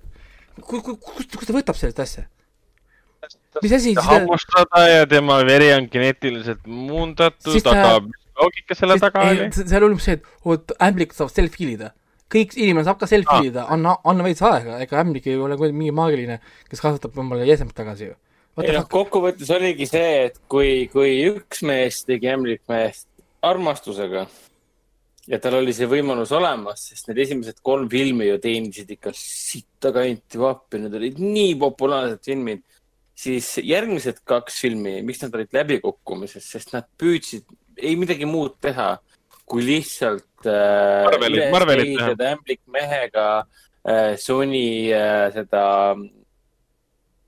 Shared Universe'i, nii-öelda kangelast Universe'i. ja tänu sellele need kaks filmi on täis topitud mingit, nagu Raiko praegu väga hästi, väga selgelt ja väga naljakalt kirjeldas, ebavajaliku saasta, mida, mis ei koti ega huvita mitte kedagi.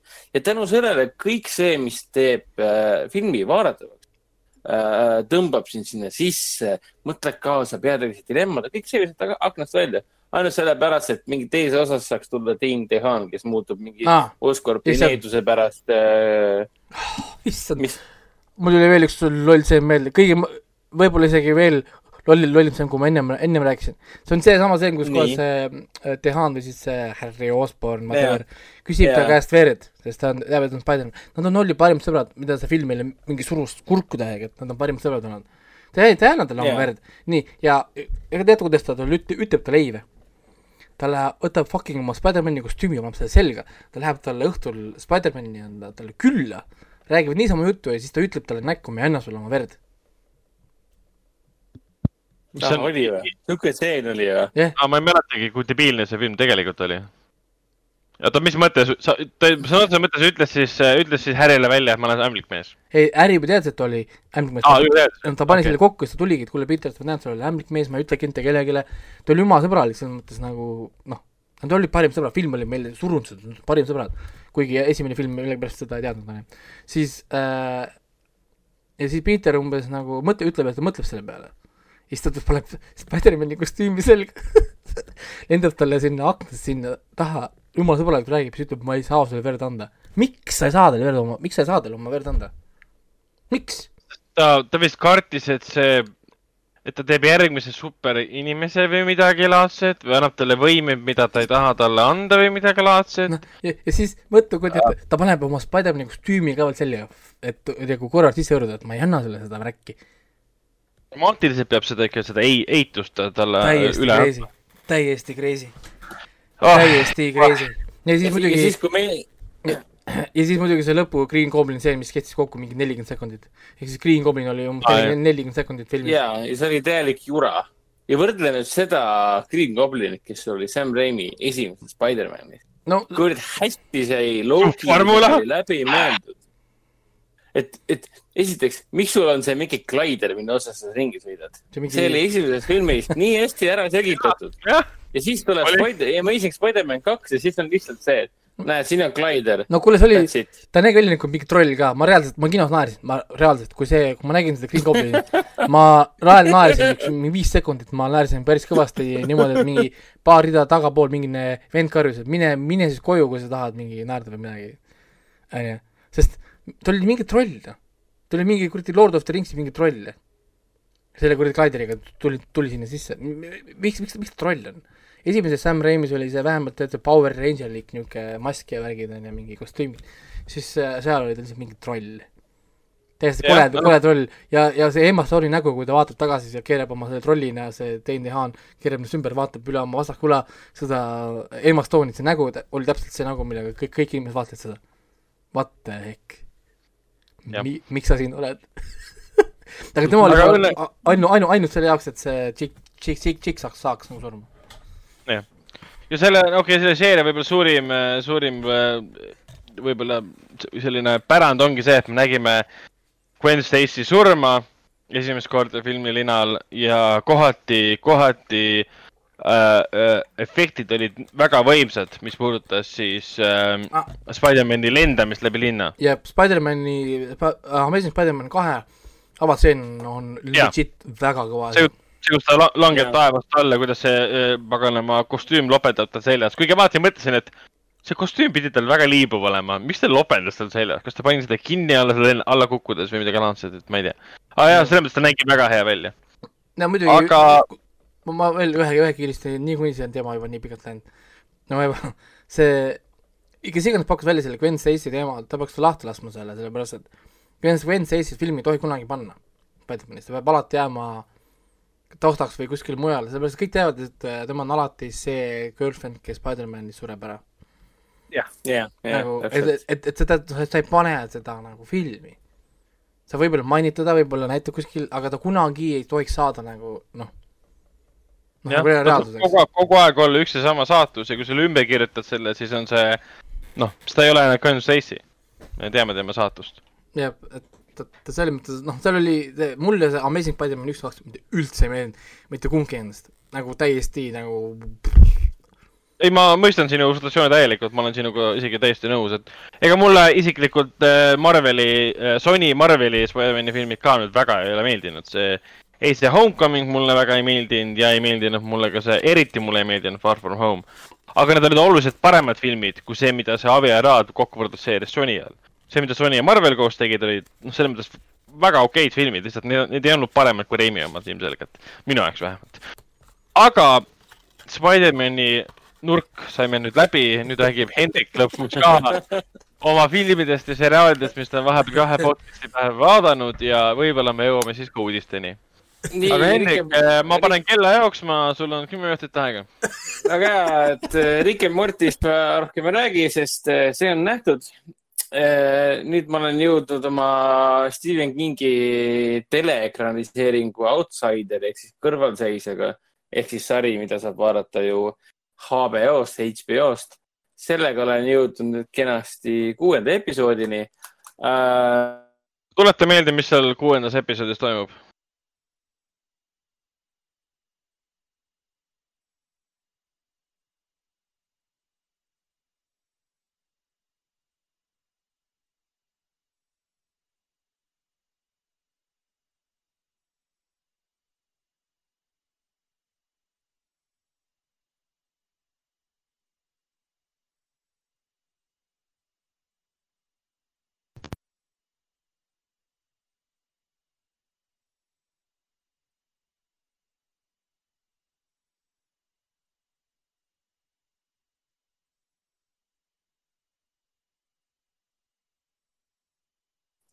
nii, kas me, kas meil, meid tabas tehniline, kas kõik kuulevad mind? ja ma kuulen sind väga hästi, kas äh, sina said rahulikult edasi rääkida, siis minul kadus korra pilt ära. ei, mul oli sama, kõik tardus. aa, siis jooksis meie, meie Discordi süsteem jooksis kinni lihtsalt, kus me parasjagu salvestame äh, okay.. sest ma arvasin, et see oli minu viga, aga see oli sinul ka siis, okei okay,, see on, see oli yeah. meist sõltumatu probleem, kui see meil mõlemal korraga juhtus aga millest ma uh, siin rääkisin, oli siis see, et seesamune um, outsideri kes, keskmine, keskmine osa on tõesti selline imelik. enne, enne kui sa jätkad, enne kui sa jätkad, ma küsiks Raiko käest üle, kuna meil väike katkemine oli, kas äh, Raiko meil salvestab korralikult kõik praegu, jah? jah. okei, okei. okei, nii, Outsideri kuues episood. nõustun, äh, nõustun jah, ja ma kuuendas episoodis oluliselt ei räägi selles suhtes. aga siis Raiko on, on ka vaatamata tegelikult. Aga ma nõustun kõiki nende kriitikutega, kes ütlevad, et ta kuskil seal hooaja keskel kipub venima ja täpselt nii nagu ongi, et kohati minu meelest on praegu olnud mingi kaks kuni kolm episoodi. okei okay,, kaks episoodi, kus ma tõesti tunnen, et äh, sisuliselt toimub ääretult vähe. aga ometigi on täispikk episood. ja ma olen alati nagu kaks osa järjest nagu, okei okay,, välja arvatud tänane kuues episood, aga neljas ja viies ma tundsin ennast kohati väga frustreerituna sest ma lihtsalt ei saanud sisuliselt seda äh, edasiarendust, vaid oli lihtsalt äh, kuidagi hästi rahulikult ja mõnusalt võtavad oma asja. ja see nagu häirib äh,. see on muidugi näha ka, et see sari on nagu väga palju inspiratsiooni saanud sellest visioonsest väljanägemisest, kui võrrelda teda Mindhunteriga või siis äh, True Detective'iga. Et kohati mul seda vaadates tuleb meelde, kuivõrd hea oli, kuivõrd tugev oli True Detective'i esimene hooaeg et on niisugune tunne, et kui see outsider läbi saab, siis enne seda, kui ma lähen kolmanda True Detective'i juurde, mida ma pole siiamaani näinud, äkki võtaks selle esimese uuesti ette ja võtaks selle ära. Detective on ka siis olemas Telia, Telia HBO-s. ja, on küll. aga, oota, tuleta mulle korraks meelde, kuuendas episoodis vihjamisi, mis seal oli umbes? see oli see, kui, issand, mis selle Endal pole ka meeles. naisterahva ah,. ja, ja ma tean, ma tean. Inti ja Rivo, see on see, kui ta ja. tuleb äh,. Äh, tuleb mängu? ei, mitte mängu. ta on juba kaks episoodi mängus olnud. okei okay.. see on kolmas episood, kus ta on mängus olnud, see on see, kus ta tuleb äh, rääkima. ja, ja siis kõik vaatavad, et. ja, ja jah. ja ma tean, saan aru, sa ei pea rohkem äh, igaks juhuks. ja, et Sinte. kuulajatele ja Raikole. väga äge, väga äge karakter on tal. aga kogu see teema ma olen lõpuks jõudnud siin hooaja keskel sellesse hetkesse, kus ma saan aru tegelikult, et mis nüüd siis äh, mis tegelikult toimub, mis tegelikult toimub, teadmata tegelikult, mis tegelikult toimub, noh, mhm. Paradoks nii-öelda siis äh, ma olen väga impressed, ma tahan näha, kuhu see Stephen Kingilik äh, niisugune õudus ikkagi välja jõuab. aga hetkeseisuga ma pigem ütleks seda, et see ei, ei ole sari, mis oleks pidanud vist saama kümnet episoodi. ma olen sinuga nõus. jah, ta oleks pidanud vist mingi kuue peale jääma või kaheksa peale või seitse või noh, ta kümme tundub üleliigselt liiga, natuke liiga palju aga sellest sõltumata Ben Mendelson on lihtsalt nii hea, et ma võin teda vaikselt nohisemas vaadata, vaadata iga, iga kell tunde ja tunde, nii et kõik on hästi selles suhtes uh,. nii, siis ma veel lõpuks vaatasin ära siukse toreda asja nagu Johnny English Reborn. ehk siis Johnny Englishi hetkeseisuga triloogia teine osa. Kui ma nüüd ei eksi, siis eel, eelmisel aastal tuli ju see Johnny Englishi kolmas osa, mille äh, nimi oli vist Strikes Back äh,. jah, asub vastu löögile oli jah, Strikes Again äh,. kolmandat ma ei ole ka näinud, kaks tuhat kaheksateist oli see, aga see kuramuse teine osa oli küll ikkagi ikka päris halb see on ikka siuksed lastekad. Äh, selles mõttes, et see, see filmiseeria teise osa põhjal vähemalt on jäänud täpselt samasuguseks nagu omal ajal oli esimene. et kui sa oled väike punn, siis sulle väga meeldib, aga no vaata kümme aastat hiljem täpselt sama filmi uuesti, sest teine osa ei ole kuidagi väga intelligentsem kui esimene. ja tõesti annab väga kõvasti tunda, et äh, ausalt öeldes ma vaatasin seda kahe päeva jooksul, sest ma ei viitsinud esimesel päeval lõpuni vaadata. ja no ta on ikka kaunis tüütu ja midagi väga naljakat ei ole ka väga lapsik värk äh,. nii, siis äh, Luke Cage'iga olen jõudnud kolmanda osani ma lihtsalt mainin, et ma vaatan ikka veel seda äh,. kuidagi aeglaselt läheb mul sellega, et ütleme niimoodi, et võrreldes Daredevili esimese kahe hooajaga on see tempo muutus mulle mõjunud väga äh,, annab tunda, see tempo muutus annab tunda. mul on niisugune tunne, et mul on raske harjuda selle stiili ja tempo muutusega äh,, mida Luke Cage endast kujutab. nii, aga siis ma vaatasin selle uue dokiseriaali ära, mis nüüd tuli Netflixi äh,. Jeffrey e-, Epsteinist, Epsteinist. Jeff, Jeffrey Epstein, Filthy Rich mitte ei vaadanud ära, vaatasin esimese osa ära. Äh, ehk siis noh, järjekordne äh, alaealisi tüdrukuid äh, armastav Harvey Weinsteinilik võimuahne superrikkur. ja ausalt öeldes seal on hästi vähe episoode, neli, neli vist äkki oli kokku. aga ausalt öeldes mul ei ole küll mitte mingit tunnet, et ma tahaksin seda perverssust edasi vaadata ma saan aru, kes see värdjas on, ma saan aru, miks ta tegi ja esimese, esimene episood selgitas kõik kenasti ära. aga, aga ei, mul, ma esimese osa jooksul nagu uhkasin päris mitu korda.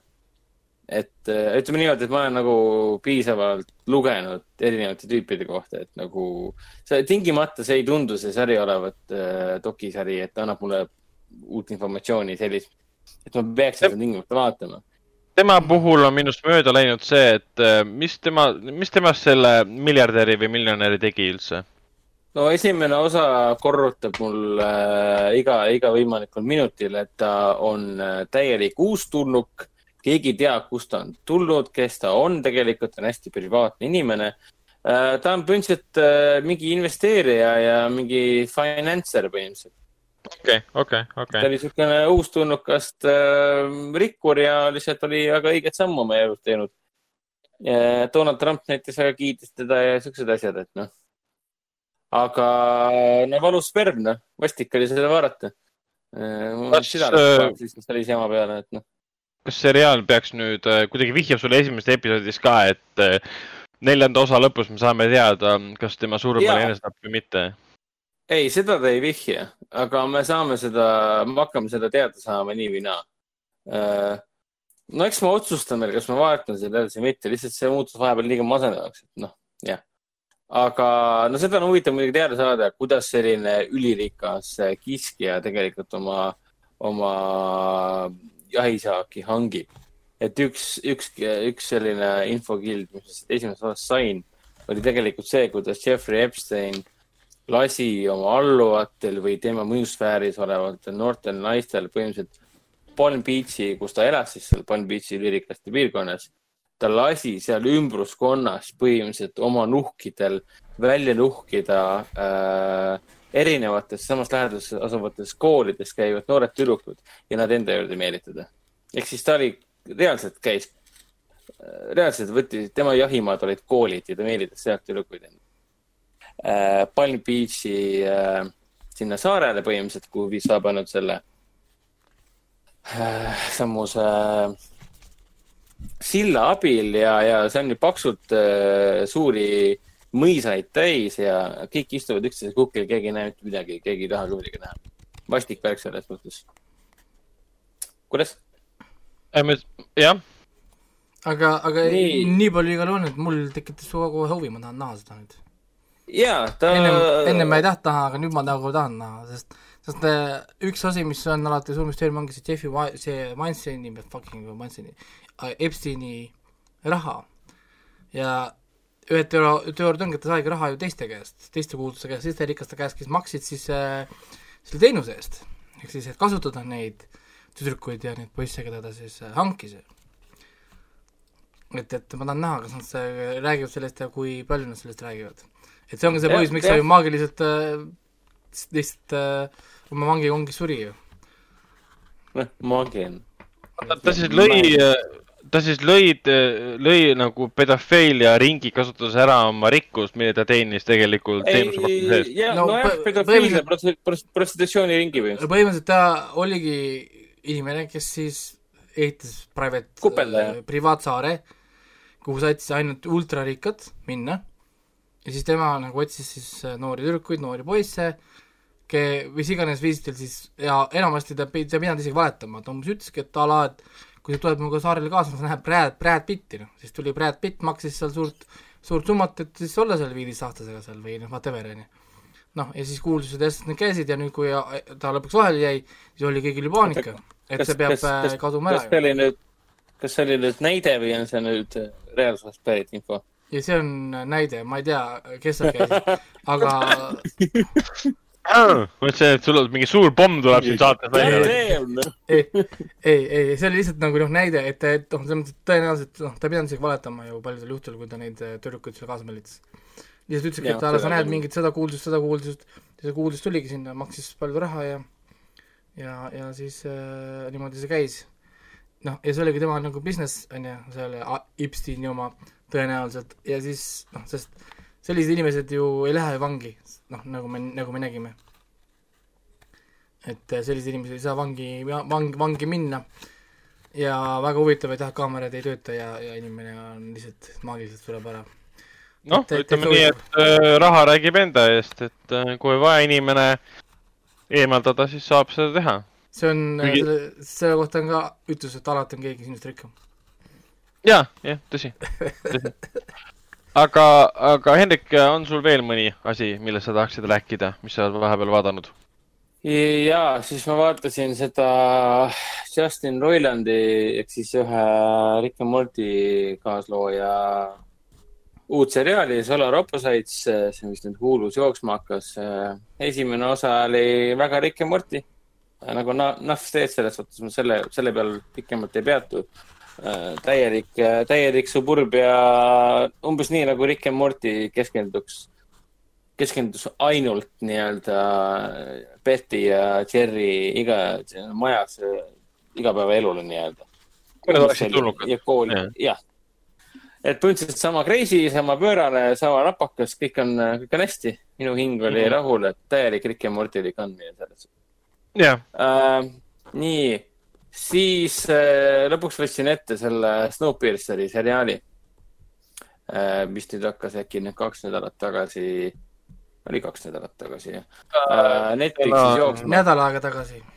nädal aega tagasi. tagasi. eelmine neljapäev kolmapäev.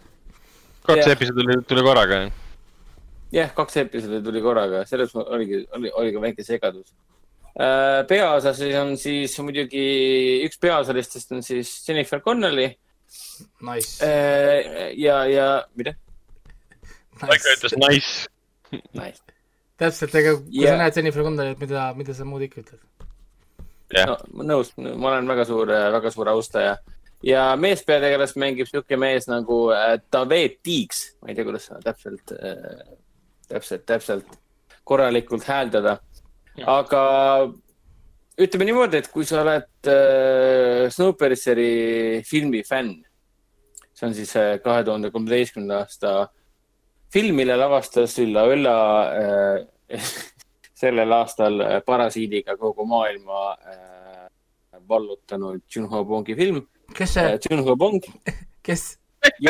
Junho Bong. kes see on kes see inimene on? Kas ma hääldan valesti või? ei, issand jumal, vaeseke. me tegime, me tegime nalja, et me ei tea, kes ta on. aa, okei okay.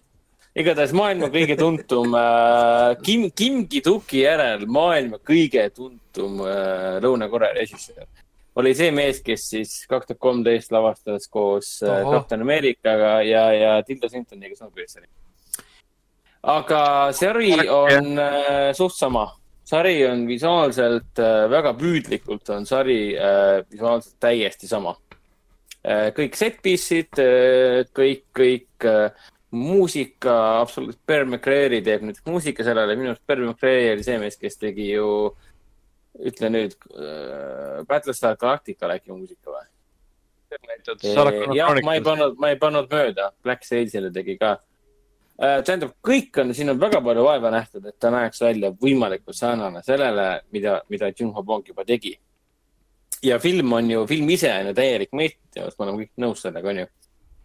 Äh, see oli crazy, crazy, et see Junho Bongil õnnestus Weinsteiniga, kes oli siis filmi produtsent, niivõrd kaua kakelda, et ta ikkagi sai need õigused selleks, et lasta välja enda versioon filmist. ja, ja, ja kui Weinstein oleks oma tahtmisest saanud, tahtmise saanud, oleks Snowpiercerist äh, äh, filmiversioonis tulnud mingisugune kakskümmend minutit lühem versioon ja tõenäoliselt niisugune fuck, fuck, ära fuck, fuck up itud nii-öelda.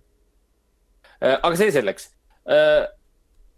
üllataval kombel esimene, ma olen ühe osa vaadanud, esimene osa ei ole halb mõned kriitikud hakkasid siin rääkima, et siin on palju seepi ja siis on siin mingi kummaline misteri sees ja kõik tegelased on palju, palju, kuidas seda nüüd öelda keskpärasemad, kihvikud võrreldes sellega, mida Juho Bond tegi. no tegelikult päris nii ei ole. esimene osa on äh, püüdlikult väga sarnane filmile. ta isegi algab, no spoilers, aga äh, me kõik oleme, te kõik olete ju näinud ka seda mm, Snowpiercerile filmi, Snowpiercerile filmile tehtud äh, animeeritud eellugu.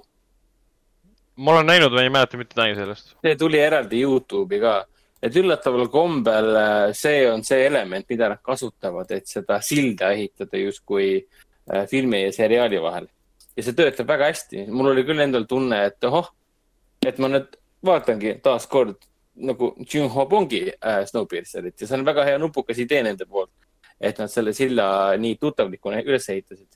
Ja kõik see sabavärk ja kõik see, kuidas see klassisüsteem on üles ehitatud, kõik töötab kõik need eh, mustad eh, telliskivid, mis on putukatest tehtud ja nii edasi, kõik nagu toimib äh,. ainuke asi, mis mind eh, häirib, on see, et mulle tundub, et see seriaal läheb vägisi sellise seebika suunas.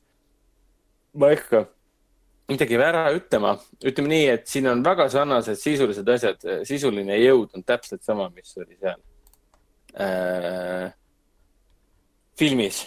ütleme nii, see, mis Chris Evans taga ajas, on täpselt sama Äh, aga siin on pandud üks lisaasi juurde. Äh, äh, ja see nagu tekitab küsimusi, väga imelikke küsimusi, mis justkui loovad väga suuri ebaloogika auke sarja sisse. et see sisuline pool on sihuke kind of iffy, ma ei saa nagu täpselt aru. eks siis näis, kui tulevad, et vaatan, tõenäoliselt homme vaatan teise osa ka ära, et siis noh, vaatan, kuhu see välja jõuab, et ma ütleme nii, et hetkeseisuga on mul hirm, et ta läheb liiga seebikaks, sest tegelased Äh, tõenäoliselt ei hakka olema nii huvitavad, nagu nad olid juba filmis. ja ma kardan, et need ebahuvitavad tegelased hakkavad liiga palju rääkima siin oma tunnetest. ma kardan, et sellest seriaalist võib tulla mingisugune järjekordne The Walking Deadi stiilis äh, jauramine. et natukene millegi põnevat räägitakse ja siis ülejäänud aja on lihtsalt mingi jama. Aga samas ma ei tohiks nii negatiivne olla, sest äh, sarja loojaks äh, Äh, sarja kaheks loojaks on tegelikult ju Joss Friedman ja Gra Gra Graham Manson. Friedman on see mees, kes ju kirjutas viimase Terminaatori filmi stsenaariumi koos teistega. aga noh, aga see pole, see pole hea näide. Joss Friedman on tegelikult see mees, kes tegi Terminatorit ja Sarah Chronicles'i okay.. mulle see seriaal okay., mulle see seriaal väga meeldis, ma oleksin pidanud. suurepärane seriaal aga sa oleks pidanud sellega alustama tõesti, unustame selle viimase, viimase juhataja ära. tegelikult, tegelikult nagu... ma oleksin pidanud, tegelikult ma oleksin pidanud alustama Graham Mansonist, kes selle mm. seriaali teiseks loojaks on, sest see on Orphan Blacki looja. aa, sa, ah, sa oled ju, sa oled ju suur Orphan Blacki fänn. Orphan Black on fantastiline seriaal. Et... ma olen näinud esimest kahte episoodi ainult. ma olen näinud esimest kahte hooaega, väga hea on. Aga sa pole fänn siis, sa pole lõpuni vaadanud? mul on elu, aga ma olen fänn. mis elu sa pujaka, pujaka, pujaka, pujaka, aga kui palju sellel on siis neid hooaegu uh,? Need kõik vist on Netflixis üleval hetkel ja kokku tal oli neli vist või? viis või neli vist oli kokku. issand, päris palju. ja ta, ja ta lõppes äh, korralikult ära, minu arust story sai korralikult läbi, see story läks ainult täiesti nagu nii ulmeks, mitte nii ulmeks, aga pöörasemaks pigem. Aa ah, ja viis, okei okay,, no vot ja, ja, ja me vaatasime vist jah, esimesed äh,, ei kurat, esimesed kolm vaatasin ära. ei, esimesed kaks ikka. me läksime sinna, kus äh,, aga me ei hakka ütlema tegelikult. ma vaatasin esimesed..., ma vaatasin kaks episoodi ära ja ma pidin vaatama kolmandat, ma ei mäleta, miks ma ei vaadanud kolmandat ma siiamaani pole teinud seda. väga paljudega niimoodi olnud, ma kunagi kümme aastat tagasi alustasin äh, ma ei tea, kas kümme, ma ei tea, mille, mille, mille Breaking Bad alustas. ma olen esimesed, ma olen esimesed kolm hooaega ära vaadanud, nii et. aa, no vot et ma kunagi alustasin, alu, alu, alu, kui ma kunagi alustasin Breaking Bad'i vaatamise niimoodi, et vaatasin esimese episoodi ära, mõtlesin, et ma kindlasti vaatan lõpuni. vaatan kella kümme aastat hiljem, kurat, äkki, äkki peaks vaatama edasi. aga täpselt nagu Sames'is praegu. jah, jah, same siis. oota, oota, oota, oota, te pole vaadanud Breaking Badi või? ei, ma olen vaadanud. pilooti. ma olen vaadanud piloodi ja siis selle El, El Camino filmi. oh issand, teil on, äh, teil on nii hea asi. Teil on. ma olen vaadanud, ma olen vaadanud esimest ja viimast osa jah, ei, ma olen nõus, et kõik ütlevad mulle, et oh kurat, sind ootab ees tõeline. on, on, mingi... see on. I know, I see, know. see on nii mõnus, ma, see on üks jälle sarjas, kus ma tahaks kuidagi delete panna ja vaadata uuesti, noh nagu algusest peale vaata, ilma et ma teaks, mis see on. see on lihtsalt, ma mäletan, kus ma hakkasin vaatama seda mingi kolm-neli episoodi vaatasin ära, mul oli niisugune hmm, noh, niisugune möh. Ja kuskilt maalt oli see, issand, kus on järgmine episood, kurat, noh nagu mis asja, noh, mis saab edasi, Walter White, Walter White, ja siis lõpuks tuli see ep episood, mida kõik mulle ütlesid, kus sa näed seal episoodi, kus ta ütleb oma, oma et do you think who uh,, do you think you know who I am yeah,? Yeah, yeah. I am the danger, I am the one who knocks. see on minu arust, see on, see on minu arust nii hea nagu uh, tran-, tran-, tran-, transition. ma ei ole seda episoodi näinud, aga ma tean seda lauset. Kuigi täpselt äh,, täpselt sama asi on ka Orphan Blackiga ka et kui sa oled esimesest paaris episoodist läbi saanud, siis ta kasvab nii külge, et sa ei saa lihtsalt kinni panna. ta on lihtsalt nii, nii nakatav seriaal. eriti just see, et see Tatjana Maslani on lihtsalt niivõrd andekas näitleja. et ühel hetkel ta on ju ühes, ühes kaadris on ta, ühes stseenis on ta viie klooniga või midagi taolist. Ja, nii, ja näitleb selle kuradi rohelise tennisepalliga elu eest. vaene, vaene näitleja, lihtsalt ta peab äh, nagu ühte sama stseeni tegema mingi viiest-kuuest erinevat, erinevast perspektiivist ja erinevast rollist uuesti, uuesti, uuesti, uuesti lihtsalt. sest igatahes minu poolt lõpuks öelda jah, et Snowpierceril on potentsiaali olla kas siis väga hea või siis väga keskpärane ja ma loodan, et ta eh, kas siis on esimene variant või ta jääb nende kahe variandi kuskile keskele. et kas siis niisugune potentsiaalikas värk nii-öelda. Nii, aga siis eh, viimane asi, mis ma vaatasin äh, täitsa huvitavatel põhjustel, oli niisugune asi nagu Terrace House kaks tuhat üheksateist, kaks tuhat kakskümmend. Äh, see on Jaapani reality tv, millel on, ma ei tea, mingi neli-viis erinevat hooaja või noh, erinevat sarja juba, igas sarjas on mingi kolm-neli osa põhimõtteliselt. Miks ma seda vaatama hakkasin, oli ainult sellepärast, et paar päeva tagasi, nüüd võin öelda ka, mis päev see täpselt oli. Äh, Jaapani professionaalne, kahekümne kolmandal mail, eelmise nädala laupäeval. Äh,, tegi enesetapu professionaalne Jaapani äh, maadleja ja siis selles Terrace House'is äh, osalev äh, noh, nii-öelda osaleja või siis näitleja, naine nimega Hana Kimura tegi lihtsalt enesetapu. Äh, ja siis tuligi välja, et ta tegi enesetapu sellepärast, et teda tabas äh, Jaapanile väga omane räme, räme küberkiusamine.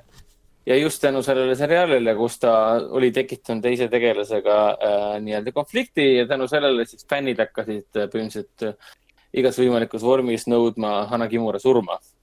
ja no lõpuks nad siis selle said, sest ta oli kõigest kahekümne 20 kaheaastane ja ma ei tea, mis siis tema sisemaailmas tegelikult toimus, aga mingil põhjusel ta lasi sellel kõigel endale nii naha alla minna, et ta lihtsalt äh, lõpetas oma elu ära.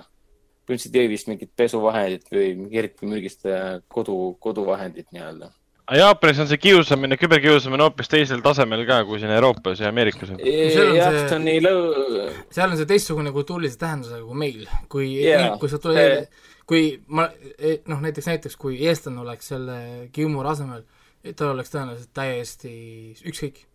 lihtsalt noh, meil, meil, meil ei ole sellist kultuurilist tähendust, nende jaoks on see teist, teistsuguse tähend-, tähendusega.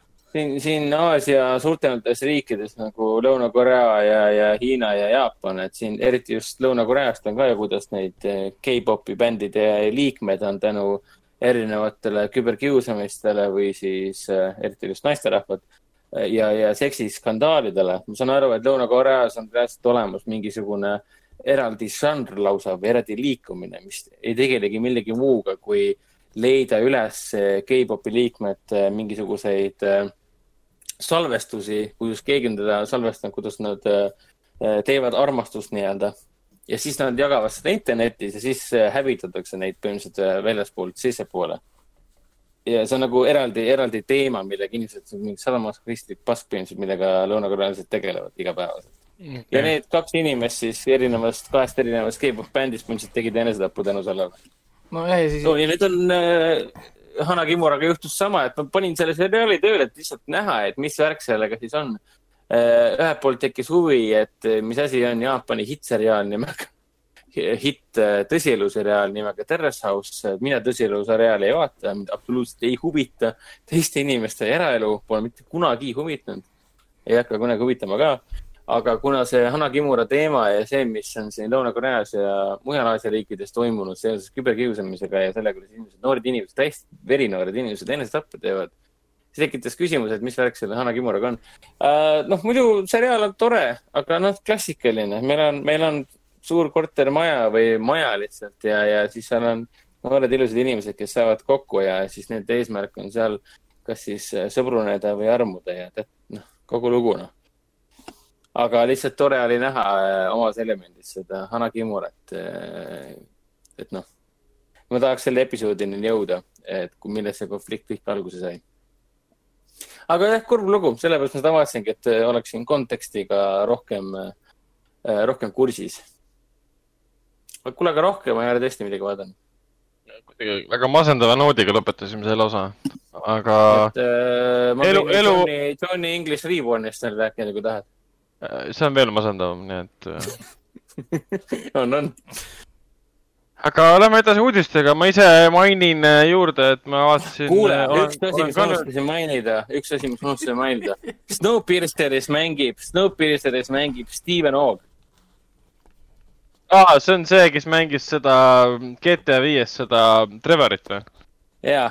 ja ta mängis. ja, ja siis Walking Deadis ka Breaking Badis või siis selles, oli Breaking Bad või, või siis see advokaadiseriaal, seal ta mängis ka ühte tüüpi. You better call Saul. jah, jah, vist oli seal. ma ei mäleta. mina tean teda ainult GTA-st ja sealt. Walking Dead oli ka, jah. Walking Deadist ja, ja. teda oli nii tore näha, ma keset seriaali lihtsalt mingi, võtan telefoni välja. Kas see on Steven Aago? jaa, oi, tere!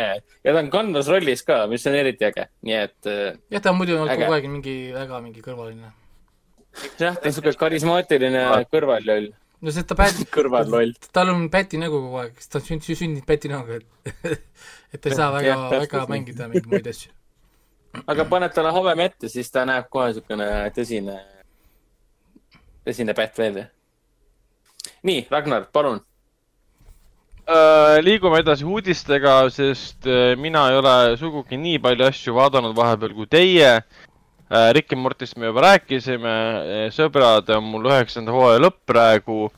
see on nüüd viimase aasta jooksul mingi kümnes kord, kui ma olen jõudnud vist sõprade, üheksanda hooaja juurde.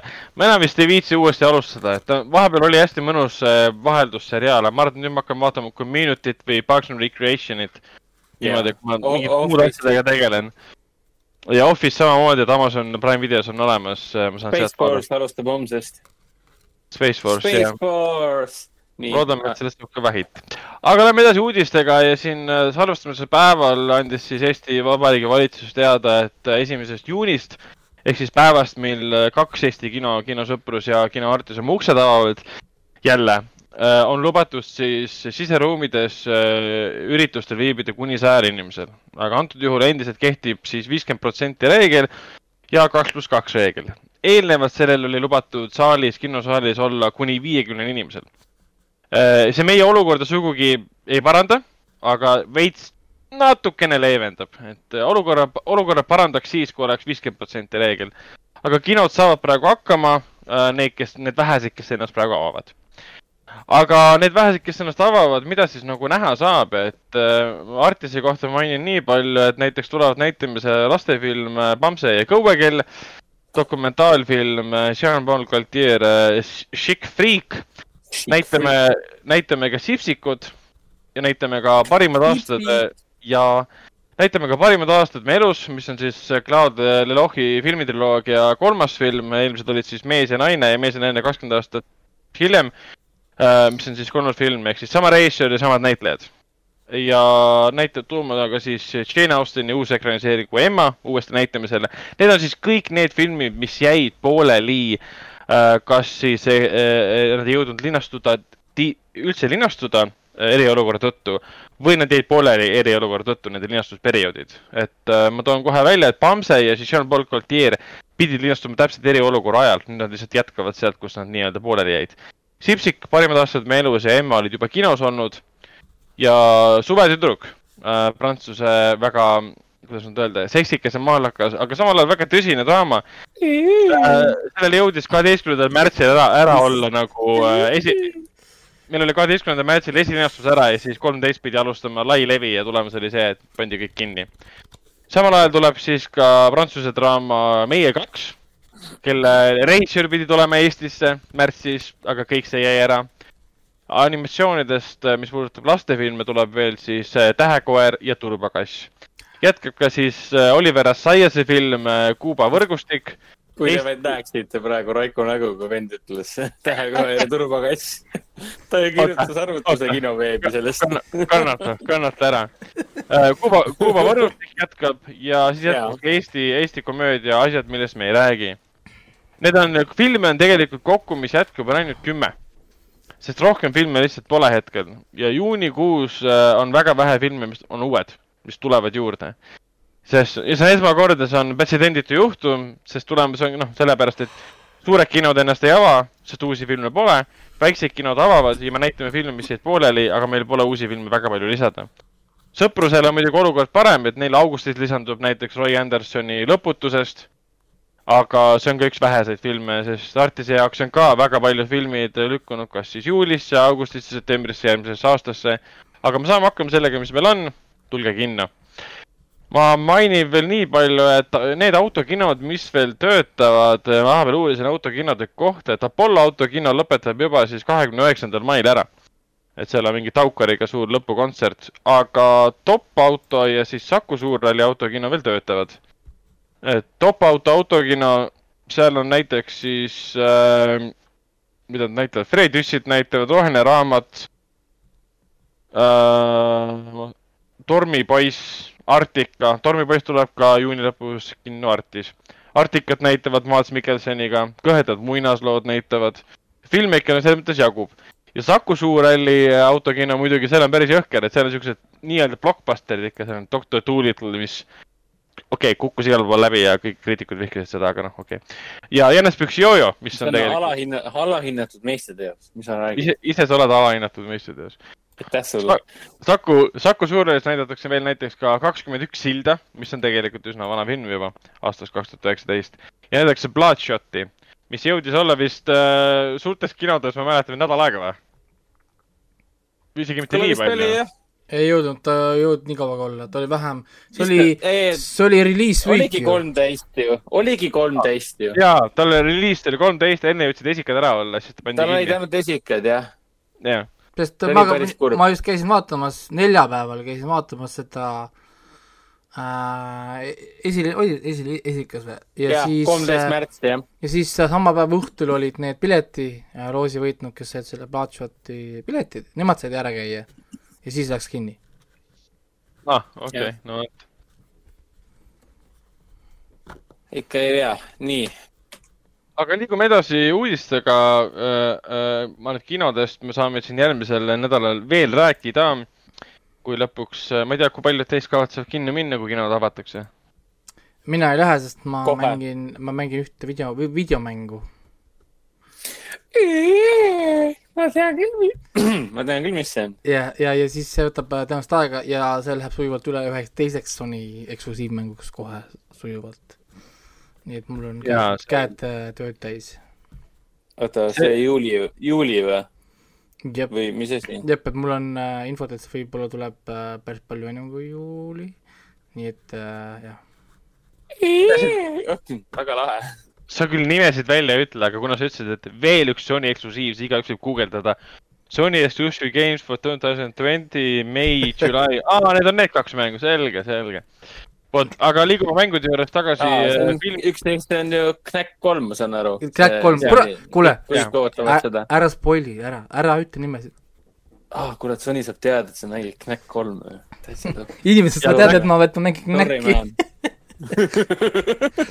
kusjuures äh, lihtsalt äh, kiire info, vaata, kui oli see aasta lõpu, vaata see äh, numbrit, vaata, kui sa äh, PlayStation aasta lõpus või tähendab, jaanuaris umbes annab sulle teada, palju sa meeldiv aasta mängis mänge. siis äh, kuna mul poeg mängib minu, minu kontoga, siis number üks mäng oli Knack kaks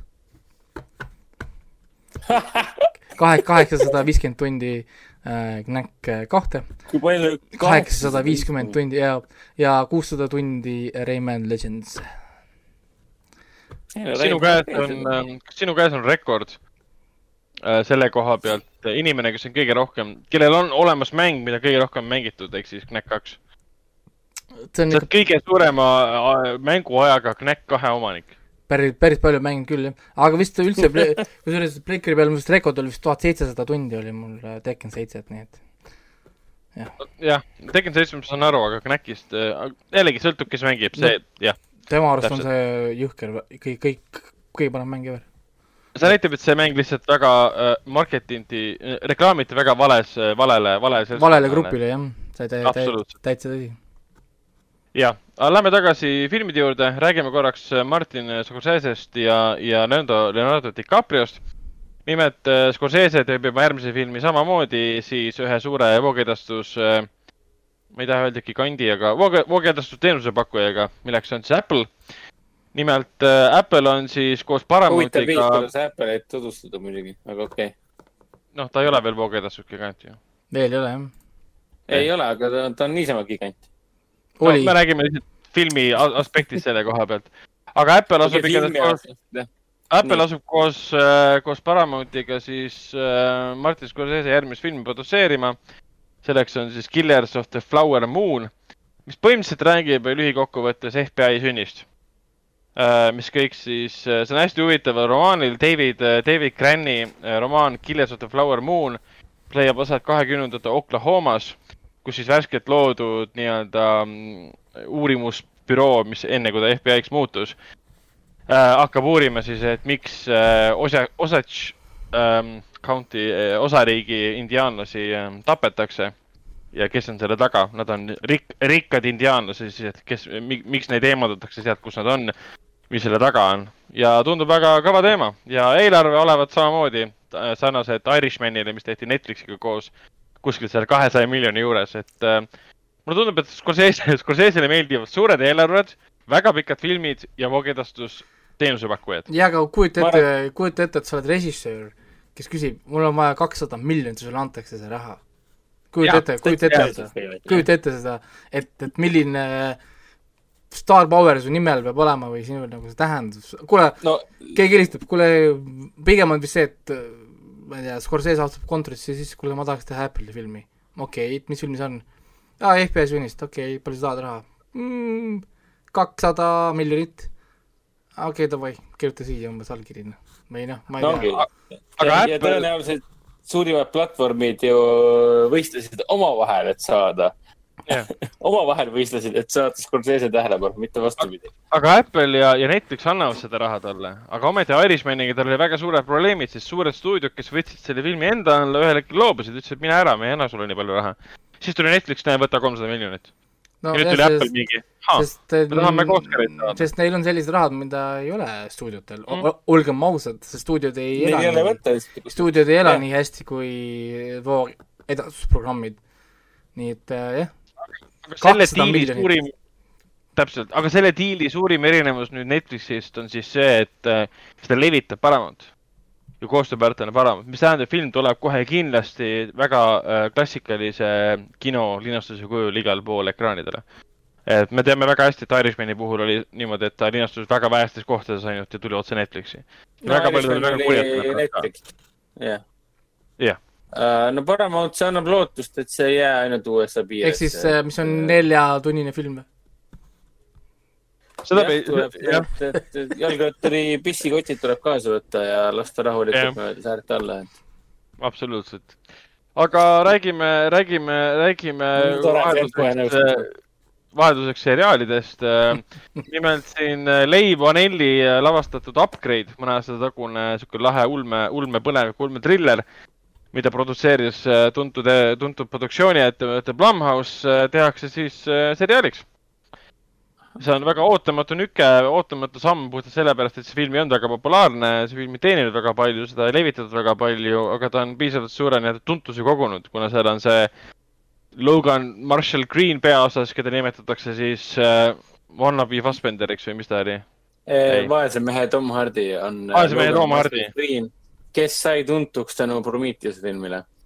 aga ja. mis puudutab äh, Upgrade'i stsenaristi ja, ja režissööri Leigh Vanelli, siis temaga on see teema, et ta on väga palju teinud koostööd James Vanniga eh,. olnud siis tema isiklik stsenarist nii-öelda eh,. nii soojafilmide puhul kui ka, ka Astraali filmide puhul ja, ja noh, ütleme nii, et see, see ja töö viimane asi, mis ta nüüd lavastas, oli ju see äh, Nähtamatu mees, Invisible Man. jaa ehk siis Leigh Vanel on ennast nüüd nii palju tõestanud kriitikute silmis, et ja ka rahva silmis, et tõenäoliselt hakkab sellest seriaalist äh, tulema midagi, midagi väga huvitavat. ja ma saan aru, et seriaal leiab aset äh, mõni aasta pärast esimese, noh, filmi, filmi sündmustikku. jah, ma tuletan, tuletan praegu meelde, kas Upgrade lõppes kurvalt või mitte. ta lõpp, ei lõppenud, vist mitte kurvalt aga siis me ei spoilerda, millega ta otseselt lõppes. aga point oli selles filmis päris hea, et leiab aset lähitulevikus, tüübile pannakse kiip sisse tema põhimõtteliselt aiu, kus on ai sees ja see ai suudab kontrollida selle tüübi keha. ehk siis suudab, ai, tüüp annab siis ai-le näiteks kontrolli, et kuule, võitle minu eest antud olukorras. ja ai kasutab tema liikmeid, igasuguseid võimeid. nagu Chuck või? Chuck. see sari uh, ei ole kunagi näinud. ma ei ole näinud seda kunagi, jah. Jackil on see, kus kohas esimeses episoodis äh, ta poolkogemata saab mingi FBI või CIA, CIA vist oli, CIA salajase andmebaasi saab endale pähe ja siis ta saab võime seda kasutada, seda andmebaasi, kutsuda infot esile ja ka kaasa arvatud näiteks kutsuda oskusi esile, näiteks kitarrimängu, võitluseid, asju. okei okay,, võib-olla tõesti siis um, um midagi taolist, jah? mingi kolm-neli hooaega oli seda ei, ma, ma olen seda, ma olen sellest kuulnud küll, aga ma ei teadnud, et seal see point oli. aga filmis oli jah, see pigem nagu mõeldud vägivaldsel, vägivaldsel viisil rakendus, rakendusse viimist. et a la näiteks mingi tüüp tuli talle kallale, ta ei osanud temaga ise kakelda. siis ta ütles selle ai-le, kes tema peas oli selles kiibis, kes vist äh,, oli vist vastava nimega ka, et kuule, võitle minu eest ja siis ai. Stem oli ta nimi. mis asi? Stem, Stem see, okei okay., ja ai kasutas selle tüübi äh, jäsemeid nii, nagu tüüp ise ei oska neid kasutada, et see oli päris äh, andekas, andekas idee. vot, aga liigume edasi, Hendrik räägib meile Lõuna-Korea filmist nimega Live või noh, hashtag Live uh,. ma juba, ma juba jagasin seda kõikidele Lõuna-Korea filmi friikidele ja nüüd see meil siin Hendrik ja Raiko räägivad sellest, sest mina olen sellest filmist näinud ainult treilerit ja ma vist tean, kes on kaudselt peaosas, aga te ilmselgelt teate sellest rohkem et, kui mina. et äh, juba mul siin jah. me teame suht sama tegelikult, aga noh. et need erinevad Facebooki chat'id mul siin kehelevad kõik, siis e-, esimene küsimus oli, et kas on siis, kas see film on nüüd siis see kavandatud Train to Busani stand-alone prequel? Ben Vinskula ei ole. ei ole kahjuks. see tuleb alles, alles augustis, aga see tuleb, ma saan aru, juba juuni, juunikuus. see pidi juba tulema jah, ta, ta on suht aga Korea, Korea kinodesse muidugi, see on see miinus. sa, pole hullu, ostame pileti ja sõidame Koreasse, noh, millest siis küsime. minu arust äh,, kas ei oleks äh, huvitav teha nii, niisugust podcast'i, kus äh, ma oleks Lõuna-Koreas, vaataks Lõuna-Korea zombifilme otse Lõuna-Korea kinosaalidest minu arust oleks äh, väga nagu cool, sest ma tahaks väga minna kuskile, sest see aasta mind hoitakse kodus kinni, siis äh, ma võiks minna ma olen, äh, ma olen küll valmis ühe filmi pärast reisima teise, teise riiki, teise linna ja vaadata, et seal vaadata filmi. ainuke miinus on see, et seal pole subtiitreid nii, niikuinii. Aga siis äh, no, pointile, pointile saab ikka pihta, et kui on zombi ja on inimene, jookseb ära, siis siin no. filmis ei ole meil selle, see on see universaal, universal language of running away from a zombie hashtag live miks on äh,, miks on filmi pealkiri äh, hashtag live, millega see seostub või? see on, see on sellepärast, et äh, vaata, kortermaja äh, võtab üle mingi zombi nakkus või asi ja siis üks poiss äh, jääb sinna kortermajas sisse ise, nagu ta jääb ellu. siis ta hakkab telefoniga tegema live stream'e ja asju, kuidas ta käib siis seal majas ringi ja annab inimestele teada, et ta, tema on elus, hashtag live. ja siis siis üle, üle kortermaja, ehk siis see teine nagu on ka teine nagu elus. ja siis nad kahekesi peavad kokku saada ja ühesõnaga hakkab mingi action pihta. nii palju, kui ma sealt äh, jõudsin lugeda. treileri põhjal tundus küll olevat selline väga, kuidas nüüd öelda, asjakohane film. sobib praegustele aegadele, sul on inimesed korteris kinni või kortermajas ja. kinni, nad peavad üksteisest eemale hoidma, aga samas tahavad olla koos. ja samal ajal väljas on zombid. jah, et. nii et siin selle. Et see treiler tekitas mulle kohe sellise mulje, mis oleks pidanud olema Resident Evil kaks näiteks. politseijaoskonnas. see oleks pidanud olema nagu see, kus kohas me politseijaoskonda lähme, oleme noh, nagu üld-, nagu piiratud nagu alal, piiratud ruumis ja siis seal toimub kogu action, mitte mis see, mis, mitte, mitte see, mida me saime lõpuks, on ju. ei no, noh, ma alles hiljuti vaatasin seda, et see oli, see oli üsna halb film, jah. mõned huvi mõned huvitavad, huvitavad kohad seal olid siiski, mõned väga mitte, mitte asjad, mis päästavad seda filmi, aga seal olid siuksed lahed, lahedad momendid. et see, seda saab päris maha teha. igas filmis on lahedaid momente. jah, tõsi. aga rääkides äh, lahedatest momentidest, siis nende poolest on ka tuntud äh, Christopher Nolan, kelle, kelle Tenet uusim film äh, jõuab siis Eesti kinodesse ja maailma kinodesse veel väidetavalt seitsmeteistkümnendal juulil kuigi mitte keegi pole siiamaani ümber lükanud seda, kas ta siis tuleb või ei tule. me teame ainult seda, et uus treiler tuli vahepeal Tenetil välja, kus ei ole kirjas enam kuupäeva, kuigi eelmises ähm, õrritajas treileris oli. aga me teame, et Nolan on tuntud selle poolest, et ta hävitab oma filmide jaoks erinevaid asju, et küll ta siin Dark Knight Rises'i jaoks hävitas lennuki ära näiteks. Äh, okei okay,, see oli makett, no hävitas nii maketi kui ka päris lennuki talle meeldivad näiteks... päris asjad ja talle meeldib näha, kuidas päris asjad katki lähevad. jah, see on, see on tema jaoks palju põnevam, et Inceptioni jaoks ta lasi ehitada selle lõpu äh, lumise mägede jaoks tohutu suure maketi, mille ta ära hävitas. ta lasi ehitada rongi, millega nad said äh,, rongivaguni, millega nad said äh, New Yorgi tänavatel või mis tänavatel seal olid, ringi sõita. ühesõnaga, ta on tuntud selle poolest ja näiteks noh, Dark Knighti jaoks ta lasi ehitada reaalsed äh, maa-aluse maantee miniatuuri, kus nad panid mini, minimaalse siukse pisikese, pisikese Rumble või Tumbler või mis see oli. Batman'i auto sõitma ja panin selle plahvatama ja Dark Knighti jaoks nad panid selle tohutu suure rekka, tõmbasid ka meelega pikali. ühesõnaga, ta on tuntud selle poolest, kuigi nüüd on siis äh, Total filmis igal pool mujal suured siis reportaažid ja jutustused, vestlused, intervjuud kõikide osapooltega ja räägitakse, et see pole muidugi kuulutatud tasandil, see on tõsine fakt, et siis tüüp lasi siis hävitada reaalse, mis on siis Boeing seitse neli seitse või?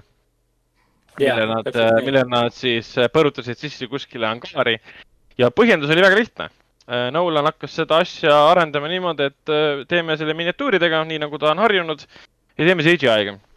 tegid kõik arvutused ära, tegid kõik numbrid, panid kokku, manpower'id ja vaatas, et meil on odavam ja mõttekam ja kiirem osta see lennuk, see sisse crash ida, kui teha kõik need miniatuurid valmis, palgata tuhandeid inimesi selleks või sadu, sadu inimesi selleks ja palgata siis FX House, kes hakkaks meie tööd tegema.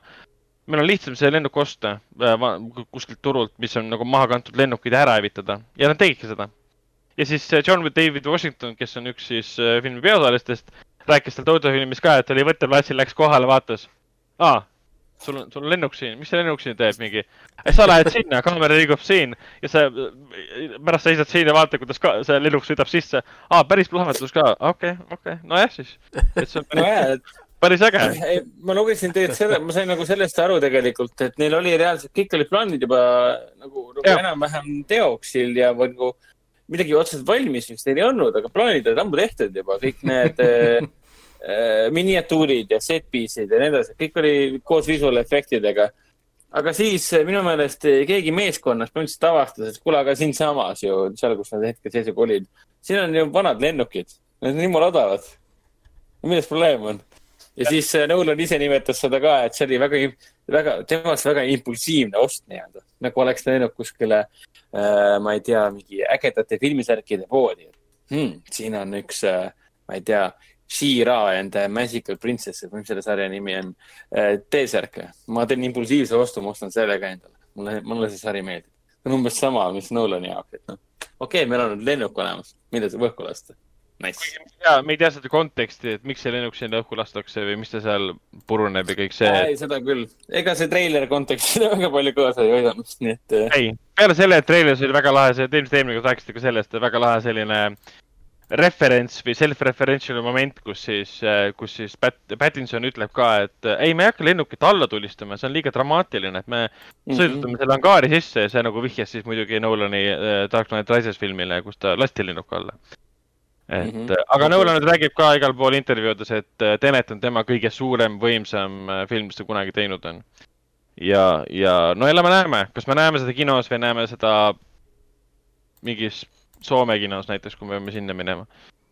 aga, aga ma ei usu, et me loodame, ühesõnaga me peame lootma, et kinod vahepeal uuesti lukku ei lähe ja peame lootma, et film tuleb kinodesse. kui see ei tule, siis lükatakse edasi tõenäoliselt sügise peale ja me näeme selle siis ära. vot, aga liigume edasi. Henrik räägib meile Tumeda torni, Stephen Kingi romaani põhjal valminud filmist ja sellest seriaalist, mis taheti selle filmi järel teha, aga mis kunagi ei õnnestunud. oota, aga kas Dark Toweril pidanud olema teist filmi, pidanud olema või? järgi? teist filmi ei olnud plaanis, neil oli plaanis teha uh, Ron Howardiga film. Ron Howard pidi selle lavastama või siis seda seriaali, seriaali arendama ja siis oli plaan teha seriaal, mis uh, teeb kogu selle raamatuseeria nagu seriaaliks aga neil oli nii aru, arusaamatu loogika, me teeme filmi, mis võtab kokku kõik seitse ja kaheksa raamatut, seitse raamatut. ja siis, äh, siis teeme seriaali, mis äh, on igast ra raamatust nagu eraldi. aga tulemus oli see, et film kukkus haigelt läbi, keegi ei saanud aru, miks see üldse tehti ja seriaal jäeti ka pooleli. see oli jube film küll, selles mõttes, et oli nii segane. see oli nii segane oli see, selles mõttes, et lihtsalt kaootiline, no mingi sa ei saanud aru. sisse visatud sinna ja räägi nüüd. sa ei saanud aru, kes on Roland, sa ei saanud aru, kes on mees mustas, sa ei saanud aru, kes on see poiss. et noh, sellele poisile pühendati peaaegu terve raamat, mees mustas pühendati peaaegu et mitu raamatut ja Rolandile pühendati seitse raamatut ja sellele filmile pühendati poolteist tundi. no selles peaseerias on üldse ju, on seitse raamatut, seitse peatükki. selles film, film, raamatuseerias, noh, oli seitse ju ma ei tea, päris palju on neid, aga ma ei tea, mitu neid on. lisaraamat oli, viimane oli see Susanna, ei, Tume torn oli viimane osa, aga ta tehti sinna see mingi lisaosa, kuus punkt viis või midagi. ja, ei ma tean ja, aga mina seda lugenud ole, ei ole ja mina olen lugenud ainult neid eesti keelde tõlgituid väga massiivselt ja väga kaunilt äh, illustreeritud äh, kaane, illustreeritud kaanepiltidega neid äh, raamatuid. et seitse raamatut on põhiliselt kokku. viimase romaani äh, pealkiri oligi Tume torn lihtsalt jaa, et see, sellepärast see film oligi fail, et äh, no lihtne matemaatika, üks, üks, üks tund nelikümmend viis film ei, ei võrdu seitse raamatut. ei, see oli, see, see oli niimoodi, et ma mäletan, kui see kuulutati välja, ma olin, oh issand, tume, tume torn, ma ei ole isegi lugenud raamatut, aga mu sõber on pidevalt umbes, et noh, loe, Stephen Kingi loe, loe, loe. ma olin, ma olin alati tema nagu lühijuttude fänn rohkem kui midagi muud, on ju. Mhm. siis äh, lõpus tuli välja, oh, tuleb film, jumala excited, nii. siis kuskil käis läbi, et see on kõik raamatud koos. siis oli, et yeah. okei okay,, et see on mingi, mingi kolmetunnine film, kolme poole tunnine film või midagi. oi, see on sada minutit, siis nägid seda treilerit, siis olid, okei okay,, et noh, see nagu ei saa minna, vaata, nagu hästi. ja siis lõpuks nägid ära filmis, siis saad aru, okei okay,, et see täiesti pundar, täiesti pundar oli see täiesti, ta muudeti mingisuguseks banaalseks, siukseks labaseks headuse ja kurjuse vaheliseks võitluseks, mida me oleme kõik sada korda näinud. aga kui sa hakkad raamatuid lugema, sa mõtled, et vau, sellist fantaasiat ma ei ole varem näinud. kui sa vaatad filmi, sa mõtled, ma olen seda sada korda näinud varem. mingi Nicolas Cage'i Sorcerer's Apprentice oli ka põnevam kui see. No. ja, et nagu. või Vin, Vin Diesel'i see äh, film, mille ta praegu järgi teeb. Witch Hunter. jube, jube. ütleme nii, et ega see Alasaar on, äh, mis see siis ongi niisugune äh, tark, tark sci-fi fantasy western ei ole just kõigil levinum, see on nii-öelda ja seda see Dark Tower ongi, ta on väga unikaalne selle koha pealt. aga seriaali puhul oli see, et neil oli reaalselt plaanis äh, Walking Deadi ühe, The Walking Deadi ja The Shieldi ühe produtsendi ja story editoriga oli siis Glen Mat-, mis oli, Glen Matsara või? Matsar oli reaalselt plaan alustada sellest äh, raamatust äh, Võlur ja klaas. ehk siis Võlur ja klaas on seeria neljas raamat, Tumeda tunni neljas raamat ja see on põhimõtteliselt nagu eellugu kogu seeriale, kuidas Roland Deschainist sai Roland Deschain. see on väga kindel põhjus, miks ta on seeria neljas osa, sest enne me peame ikkagi tutvuma inimesega, kes ta praegu on kelleks ta on muutunud, et aru saada, kust ta on tulnud. et noh, tulemine on tänu sellele palju huvitavam. aga nemad mõtlesid, et okei okay,, et enne kui see Amazon sellele kõik ära tühistas, siis nad mõtlesidki, et alustame siis nii-öelda päris pisikesest peale nii-öelda.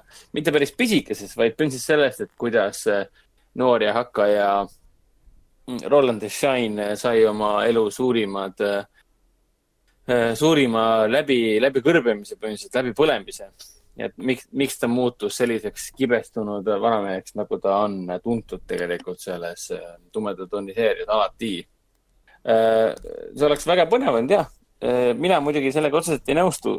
ütleme niimoodi, et mul ei ole vaja näha teleseriaali, kus ma näen hetke või aega alates sellest hetkest, kui, kui Rolandist saab Roland, et see ikooniline Roland Design sellest tumedast tonnist on ikkagi üks asi, mis muudab, muudab ta nii põnevaks ja ägedaks, on tema salapära. ja mul ja. ei ole vaja seda salapära tingimata hakata kohe kaotama. eriti, mis puudutab võluri ja klaasi lugu. sest see, mis seal toimub, on ikka väga metsikult traagiline ja seda ei ole vaja kohe ära anda. see on palju parem oleks seda, seda, see, see mõju endale kätte saada, see serveerivad selle sulle mingi neljandas, viiendas hooajas. ja siis sa, siis sa jah, nutad end silmad peast välja, et nagu mina tegin omal ajal, kui ma seda raamatut lugesin aga ütleme nii, et see piloot on tegelikult filmitud Glen Matsaral ja teistel on vastavate näitlejatega kõik need, minu meelest Jesper Pääkkonen oli ka sellega seotud ju. meie Jesper või? jaa, ma pean korraks kontrollima, aga minu meelest äh, ta Jesper oli Pääkonen... seotud küll. kas Jesper Pääkkonen mängis ka, mängis ka Soome filmis Pahad pojad või? vaikus. mis mingi imelik küsimus tuli praegu? et sa ütlesid Soome näitleja nime, mul tuli esimene Soome film. täiesti lamp küsimus, mingi pahad pojad. ma mäletan jah seda treilerit. igatahes ja Jesper, äh, Jesper Bacon oli reaalselt olemas küll jah, Dark Toweris, Amazoni äh, tühistatud äh, seriaalis. ja Bacon pidi mängima seda Randall Flaggi ehk siis Martinit ehk siis mees mustas ehk siis see põhipaha nii-öelda ütleme nii, et selle põhjal, mida ma olen Backmanist näinud nüüd äh, selles Black Lensmanis, ta oleks nagu fantastiline niisugune insidious äh,, eesti keel. ta oleks, ta, Jesper Blackman oleks fantastiline mees mustas selles Tumeda tonni seerias. sest mees mustas ise on mingi peast soe põhimõtteliselt mingi must maag, kes mitte midagi ei selgita, mis ta teeb, vaid ainuke asi, mis ta on see, et ta kogu aeg õrritab ja, ja, ja põhimõtteliselt äh, ajab hulluks seda vanalast, vanadast laskurit äh, Rolandit. aga kahju, loodame, et nad korjatakse tegelikult kunagi ülesse, sest äh, kui ikkagi piloot on filmitud, siis on ikkagi võimalus ühel hetkel ju rise above, rise from the ashes teha. nojah, et alati on variant, et mingid Netflixid ja Apple'id, kellel raha on rohkem, kui nad midagi teha oskavad, lihtsalt davai, tõmbame, tõmbame mingi asja uuesti käima eks nad peavad selle kaunilt, kui nad tahavad, nad peavad selle kuidagi palju kaunimalt üles serveerima, sest noh, see töö on tehtud, eh, mis puudutab eh, noh, metsapõlengut, korralikku, mitte metsapõlengut, vaid prügikasti põlengut, ehk siis ja. see, mis oli see film. et kui sa ikka niimoodi alustad selle, selle, selle frantsiisi loomist, siis nagu tere talv, noh. nagu Itis Elva ja Matthew McConaughey. kas teil on tõesti nii palju raha vaja juurde, et mingi sellises rämpsus osaleda? Kombo oli päris hea jah, sellest midagi välja, välja ei tulnud. aga räägime, räägime veel ühest äh, seriaalist ja, ja seeriast ja raamatuseeriast, milleks on siis äh, loetavate veeringuga äh, tüdruk. Neid raamatuid on vist kokku juba, juba kuus äh, algupärase, algupärane autor enne surma jõudis kirjutada kolm ja siis äh, David ju... David äh.... mismoodi seda nimetati, Millenniumi Millenniumi saaga, jah. triloogia oli või? Millenniumi, Millenniumi triloogia, jah. ja siis David või David Lagenkrantz võttis selle üle ja nüüd ta on vist kolm äh, uut osa juba teinud, kus on ka siis Lisbeth äh, Salander, kes on kõigi raamatute peategelane peaosas. Äh, viimane film sellest oli David Fincheri film, aastal oli vist kaks tuhat üksteist või midagi. sa mõtled esialgset triloogiat või? Ei, ma räägin David Fincheri viimasest, äh, viimase, viimane ah,, ei, vabandust, mitte David Fincher, vaid oli see viimane Girl in the Spider's Web, selle põhjal tehti yeah., tehti film, kus oli siis ähm, Claire Foy Claire. mängis siis yeah. äh, Lisbeth Salanderit. see film tuli ja läks, keegi sellele tähelepanu väga ei pööranud, mina ei ole seda ka näinud, kuigi kõik need Rootsi filmid ma olen ära näinud, mis mulle väga meeldisid tegelikult. Fincheri film mulle ka väga meeldis, sest see oli Fincher äh,. Rootsi filmidel on hoopis teine võlu kui Fincheri filmil. oota, need Rootsi on filmid, kus see Noomi Rapas tuli või? jah, Noomi yeah. Rapace on peaosas yeah., need mulle tõesti väga meeldisid, need olid minu arust väga hästi tabatud. kuna ma lugesin raamatu kõik läbi, ma olin nii rahul, et. ma lugesin ainult, ainult esimese, mulle stiili sobinud, ma loobusin, kuigi mul õde oli hull fänn, oo loe, need on nii head. siis andis mu emale, mu isegi ema oli jumala nagu pöördus, mis on äh, haruldane, haruldane, et talle niisugused filmid või noh, nagu äh, asjad peale lähevad. siis mulle see stiil ei sobinud jah eks ta ongi noh, vastavalt sellele, kas see läheb korda, et mingi endine ajakirjanik ja mahhinatsioonidega tuttav, Rootsi majanduses mahhinatsioonidega tuttav inimene kirjutab mõrva müsteeriumeid, et kas see läheb korda või mitte. aga maailmale ta läks korda, seeria oli populaarne, tehti kolm filmi ja tegi, Hollywood kaks filmi. ja nüüd tehakse siis äh, seriaali, esimest mm, -hmm. esimest teleseriaali, Amazon jälle et Amazon on siin käed, käed rüppes ei istu, neil on siin äh, Sõrmusisanda seriaal praegu töös, mida nad Uus-Meremaal filmivad mis on siis Sõrmutes nende kauges minevikus leiab aset ja nüüd teevad siis Dragon Tattoo põhjal ka. kuigi siit äh, artiklist, mis Variety, Variety nagu andis teada sellest, pole aru saada, et kas nad hakkavad selle seriaaliga nagu nullist või mitte. või nad jätkavad kuskilt sealt punktist, kus, mida filmi pole veel puudutanud või nad lihtsalt teevad täiesti esimesest osast alates, kus me tutvustame jälle. tegelikult, tegelikult on siin kirjas küll äh, niimoodi nagu Variety's on kirjas, tegelikult on kirjas küll, et äh, Amazonil on reaalselt plaan mit, mitte, mitte äh, jätkata sellega, mida on juba raamatutes tehtud või raamatutes ja filmides tehtud. Neil on plaan justkui täiesti uut, uut lugu teha. Mis tähendab seda, et neil on äh,, tõenäoliselt võtavad siis David äh, Lagercrantzi appi äh, Äh, kellel on väga palju ideid tõenäoliselt, et äh, Lisbeth Salandri lugude jaoks, mis tal ei ole veel raamatuks kirjutatud ja teevad uued Lisbeth Salandri lood. et me kõik kaudselt juba teame, kes Lisbeth Salander on, me saame teha uue seriaali, kus ta on peategelane. Äh, tema lapsepõlve võimete näidata filmides Rootsi omades, et võib-olla saab jälle lapsepõlve ka näidata, kes tema isa oli ja kõik siuksed asjad. et selles mõttes on hea lahendus, teeme nullist, mõtleme uue välja, me ei pea nagu äh, uuesti näitama kolmandat korda, kes on see Lisbeth Salander, see on umbes nagu sa vaatad kolmandat korda, kuidas onu Ben sureb, miks? no see on see, mis me eelmine kord rääkisime, et äh, kui sa juba teed, noh, tee siis uus lugu, miks sa hakkad nagu ja. jälle, jälle et... sogama vett, et jah, aga peaasi, et see olemasolevat, olemasolevat lugu nagu ümber ei kirjuta. peaasi, et sa ei kirjuta nagu inimese lugu ümber, kes ta on ja kust ta tuli, et see peaks jääma nagu samaks, lihtsalt sa ei puuduta seda otseselt, selle, asjad, mis temaga juhtuvad, on uued.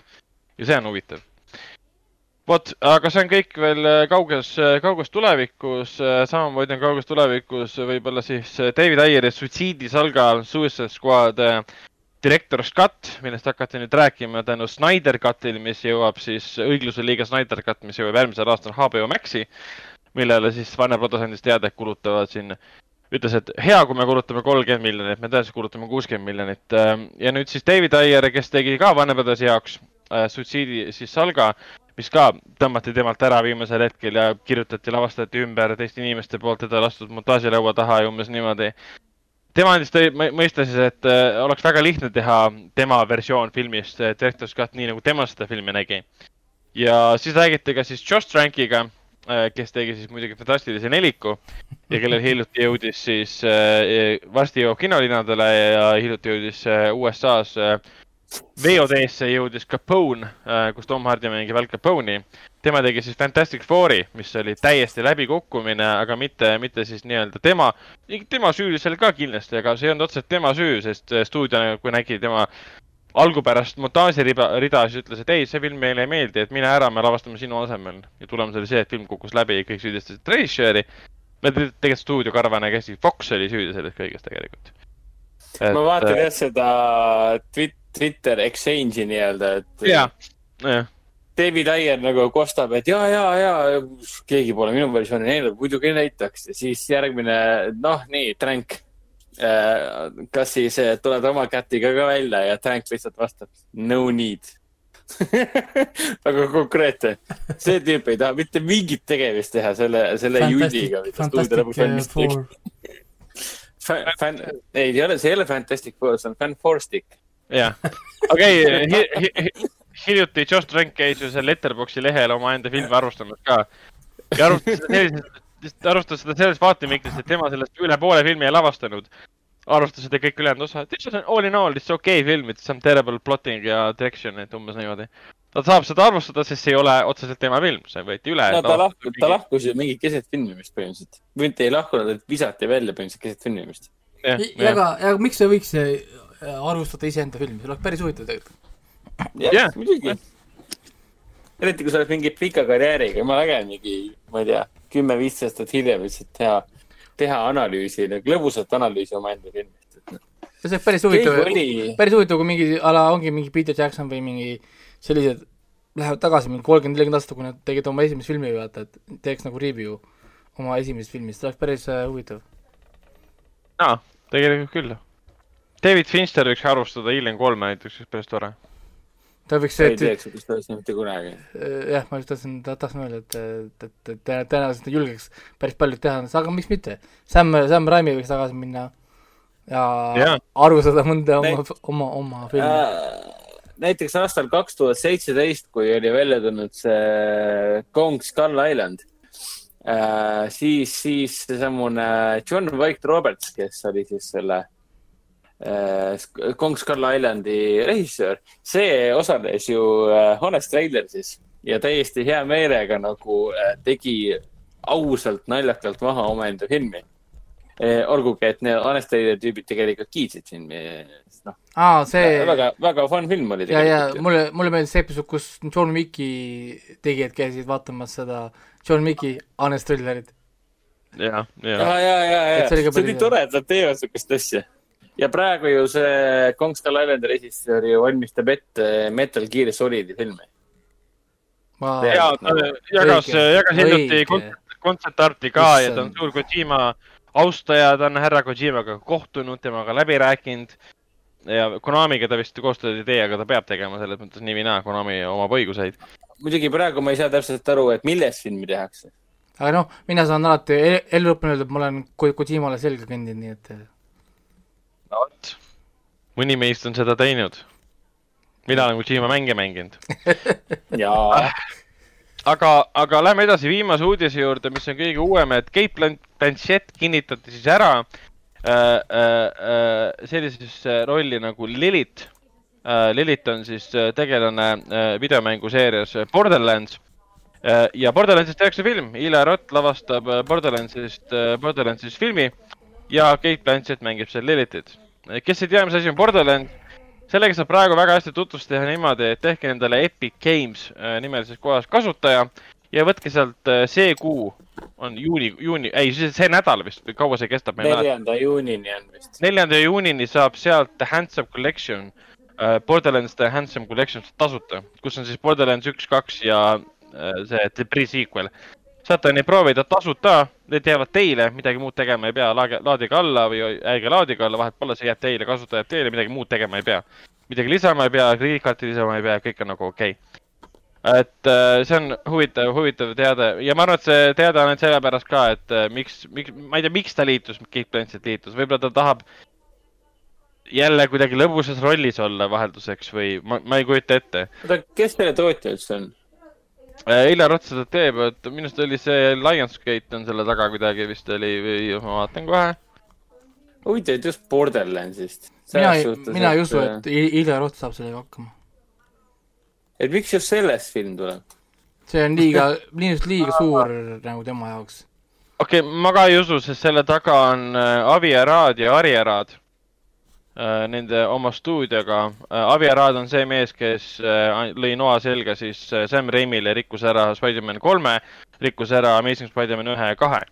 et nüüd sellesse filmi mulle väga palju usku pole, aga mul on Kate Blanchetti usk ja mul on Ila Rotti usk, et Ila Rott on äge. aga noh, vaatame, sellest. Craig, Craig, Craig Mazani ma usun ka, et. tema kirjutas seal mida, stsenaariumit või? stsenaariumit kirjutab jah okei okay,, Tšernobõli stsenarist. ma ei tea, et filmi, filmi nimi peaks olema ju Metal Gear Solid, et äkki ta tõesti teeb siis üheksakümne kaheksanda aasta Metal Gear Solidi põhjal siis filmi või? ma rääkisin Borderlandsist praegu, sa räägid Metal Gear Solidist või? aa ah,, sorry, ma jäin Metal Gear'i Vikipeediat lugema ah,. Sorry, mul läks aeg täiesti perse praegu. ei äh,, Borderlands jah, aga mina, noh, ma ei, mina, mina juba millegipärast mõtlen sellest projektist kui fail, failure, ma mõtlen, et see on nagu Monster Hunter juba et see on juba nagu kotti jooksnud, enne kui ma isegi olen ei, Monster Hunter on tõenäoliselt äh, äge, sest noh, Paul W. Anderson jaa, aga ägedalt halb või siis ta, ta võib olla äge, äge film, millel pole mitte midagi pistmist Monster Hunteriga.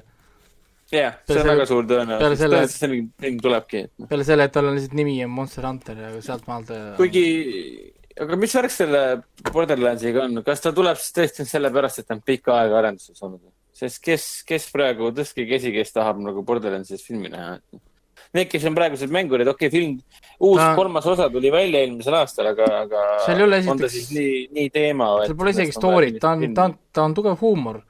see on huumor sci-fi, sul on planeedid, värgid, särgid, ehk siis filmina see peaks olema mingi väga high production äh, stuff. on ju, see peaks ikka olema tõsine production, see on tõsine action, sa ei saa teha Borderlandsi mingi keskmise action'ina, see peab olema jõhker action sci-fi, full on action, relvad, relvad, relvad, tohutult relvi. monstrumid, mingid mutandid, issand, noh, seal on nii palju stuff'i ja muidugi huumor, ehk siis sul peab olema palju huumorit.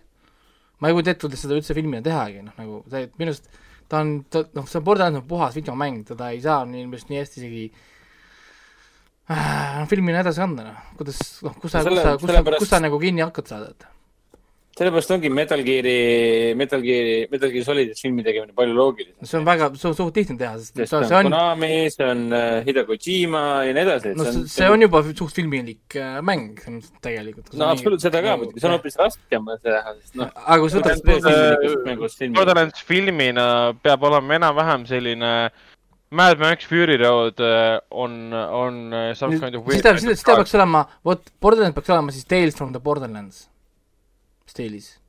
jah, põhimõtteliselt võib ka nii teha. mitte nagu Borderlandsi mäng, mis on hardcore shooter, looter on ju, noh nagu, nagu hardcore, mitte lihtsalt niisama, vaid mängu fookus ongi relvadel, nagu reaalselt nad, kogu, kogu mäng on ehitatud selle peale, et meil on lihtsalt relvad ja siis kõik muu topitakse sinna lihtsalt juurde, on ju. Et, et samas äh, hea stsenarist saab sellest ikkagi hea loo teha sinna ka. et selles ma nagu probleemi ei näe, kui nad lavastavad seda umbes samas vaimus nagu Fury Road ja teevad sinna tohutult hea huumori ka sisse ja huvitavad karakterid, eh, siis miks ta ei peaks töötama? peaasi, et ta ei võtaks ennast liiga tõsiselt, nii nagu seeria, mänguseeria. sest kui ta võtab, kohe kui ta võtab ennast liiga tõsiselt, siis ta on, eh, siis ta on Fury Road ja meil ei ole vaja uut Fury Roadi ja öelda, et see on Borderlands. Siis me ütleme, et see on Fury Road, selle vaimus tehtud film. meil on vaja Borderlandsi, ta oleks lõbus filmina peab ta olema lõ ülimalt lõbus versioon äh, Fury Roadist, et Fury Road oli ka lõbus film selles mõttes, aga ta oli samal ajal ka väga tõsine film, mida Borderlands ei ole tegelikult, nii et elame-näeme, elame-näeme. ei tea jah, eks see, eks see selgub. aga lähme edasi, lähme edasi saate viimase osa juurde, milleks on äh, soovitused. Netflixis soovitame vaadata Snowpiercerit, millest Hendrik rääkis ka juba pikemalt Äh, toome välja, tingimata ei soovita, aga ma tean, et Raiko hakkab seda vaatama, ma tean, et Hendrik seda edasi ei vaata, Jeffrey Epstein. vist. Mhm. vist, vist, jah, täpselt.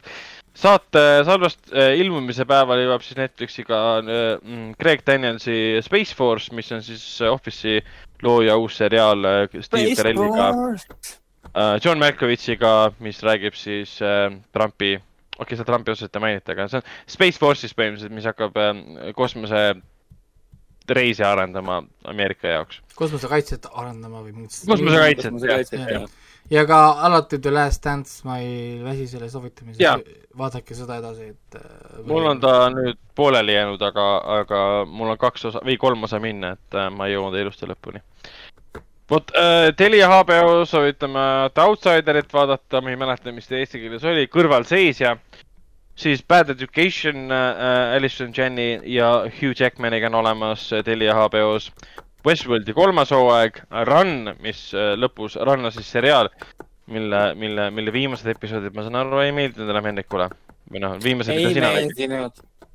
ja siis on olemas ka Derek Cian France, suurepärane reisijal, miniseriaal uh, I know this much is true, see ongi tõde, kus on siis uh, Mark Rahval topeltroll, mille eest talle ennustatakse väga palju erinevaid auhindu. Amazon Prime videos soovitame vaadata kõige muu hulgas, millest me oleme siin erinevates saadetes rääkinud, ka siis Dispatches of Elsewhere, mille puhul ütles küll Raiko enne saate algust, et äh, ei suutnud vaadata äh,. teine osa lihtsalt, kaotas, äkki... kaotas nagu igas, iga, igasuguse, minu jaoks kaotas nagu fookus ära, fookus läks jälle mm -hmm. selle äh, noh, sotsiaalpoliitikale ja igasugusele muule, kui see, mis ta, mulle esimeses osas nagu hakkas nagu müüma.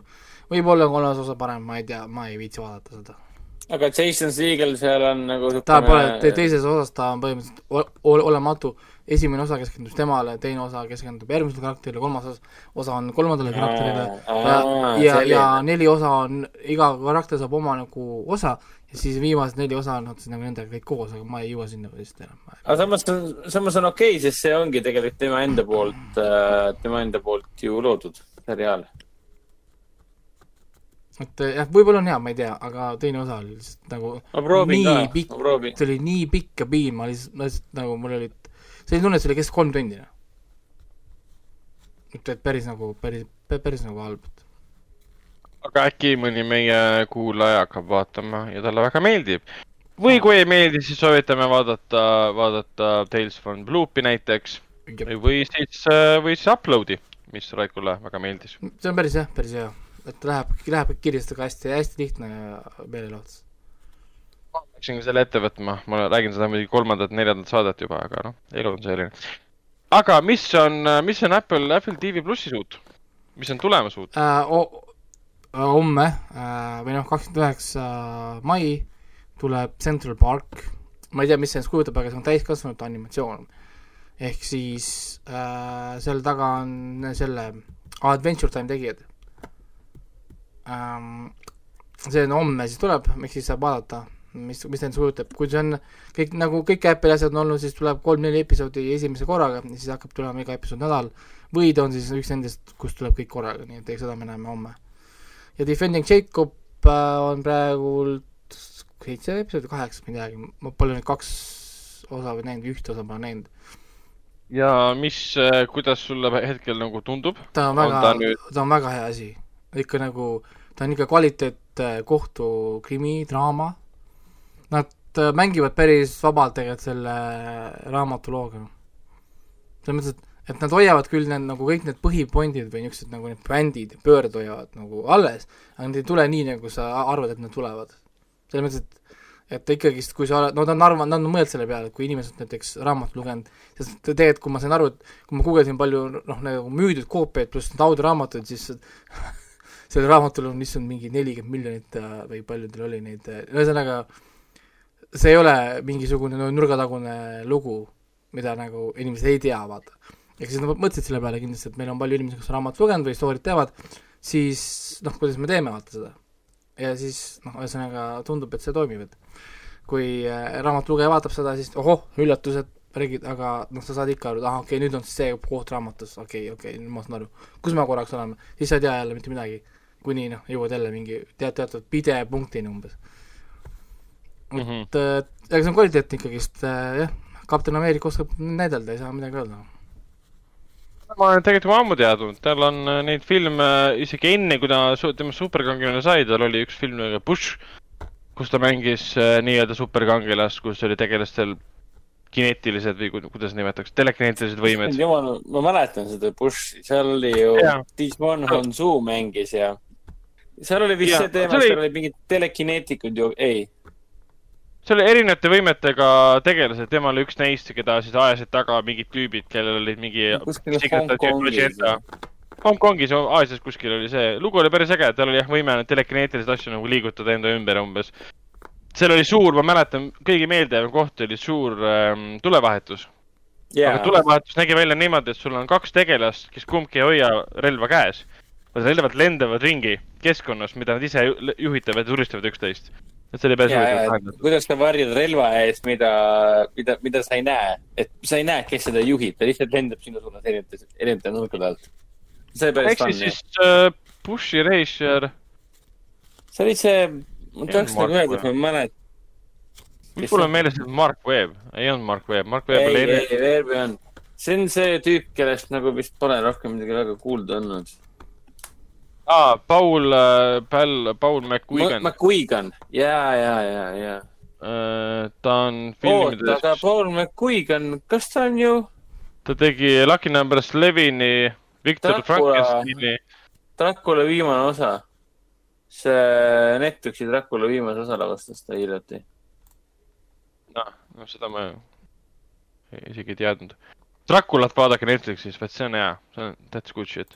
Sellel oli vist neli episoodi ainult ka või uh,? kolm. kolm vist isegi. aga no, aga iga episood on mingi peaaegu poolteist tundi pikk, film põhimõtteliselt, et. nii palju vist ei olnud, aga ta on üle tunni kindlasti ja, ja mulle, mulle need väga meeldisid, need täitsa. püha jumal, mul on Carnival, Carnival Row on siiamaani vaatamata. aa, jah, seda ma isegi ei mäleta. aa, okei okay,, nüüd mul tuli meelde äh,. ta lavastas ju kaks episoodi sealt äh, Luke Cage'is ka. Sealt ma nägingi tema nime nüüd hiljuti. ja sellega said meie teemad äh, ka otsa. kui teil on äh, midagi veel lisada, siis on nüüd viimane aeg ega praegu ei olegi midagi, et nüüd on jah, nüüd hakkab juunikuu, järgmine saade on siis juba juunis ja eks vaatab, mis need kinod, kinod siis teevad. aga no nii palju on, et kui keegi tahab tööd otsida, siis äh, Apollo kino otsib turundusjuhti ja kinosõprus otsib juhatajat, nii et äh, hakake saatma CV-sid. kõik otsivad kedagi. aga naabrimees, äh, oota, mis see, oota, mis see saade vanasti oligi? põllumees otsib naist või? jah yeah oli või? talumees või? keegi ei mäleta või? lolli, ma ei tea. Te ei vaata lolle Eesti seriaale, kuulge. ei vaata, mul on. kasulikud.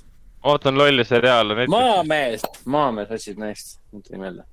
Aa, jah. ehk siis eh, lihtsalt seekord on maamehe asemel kinosõprus Apollo mm. -hmm. vot okay., aga loeme saate saateks Äh, loeme saate saateks ja näeme järgmisel korral, kui on juunikuu ja on osad Eesti kinod juba avatud. saame rääkida ka kinofilmidest. tšau. tšau. tšau.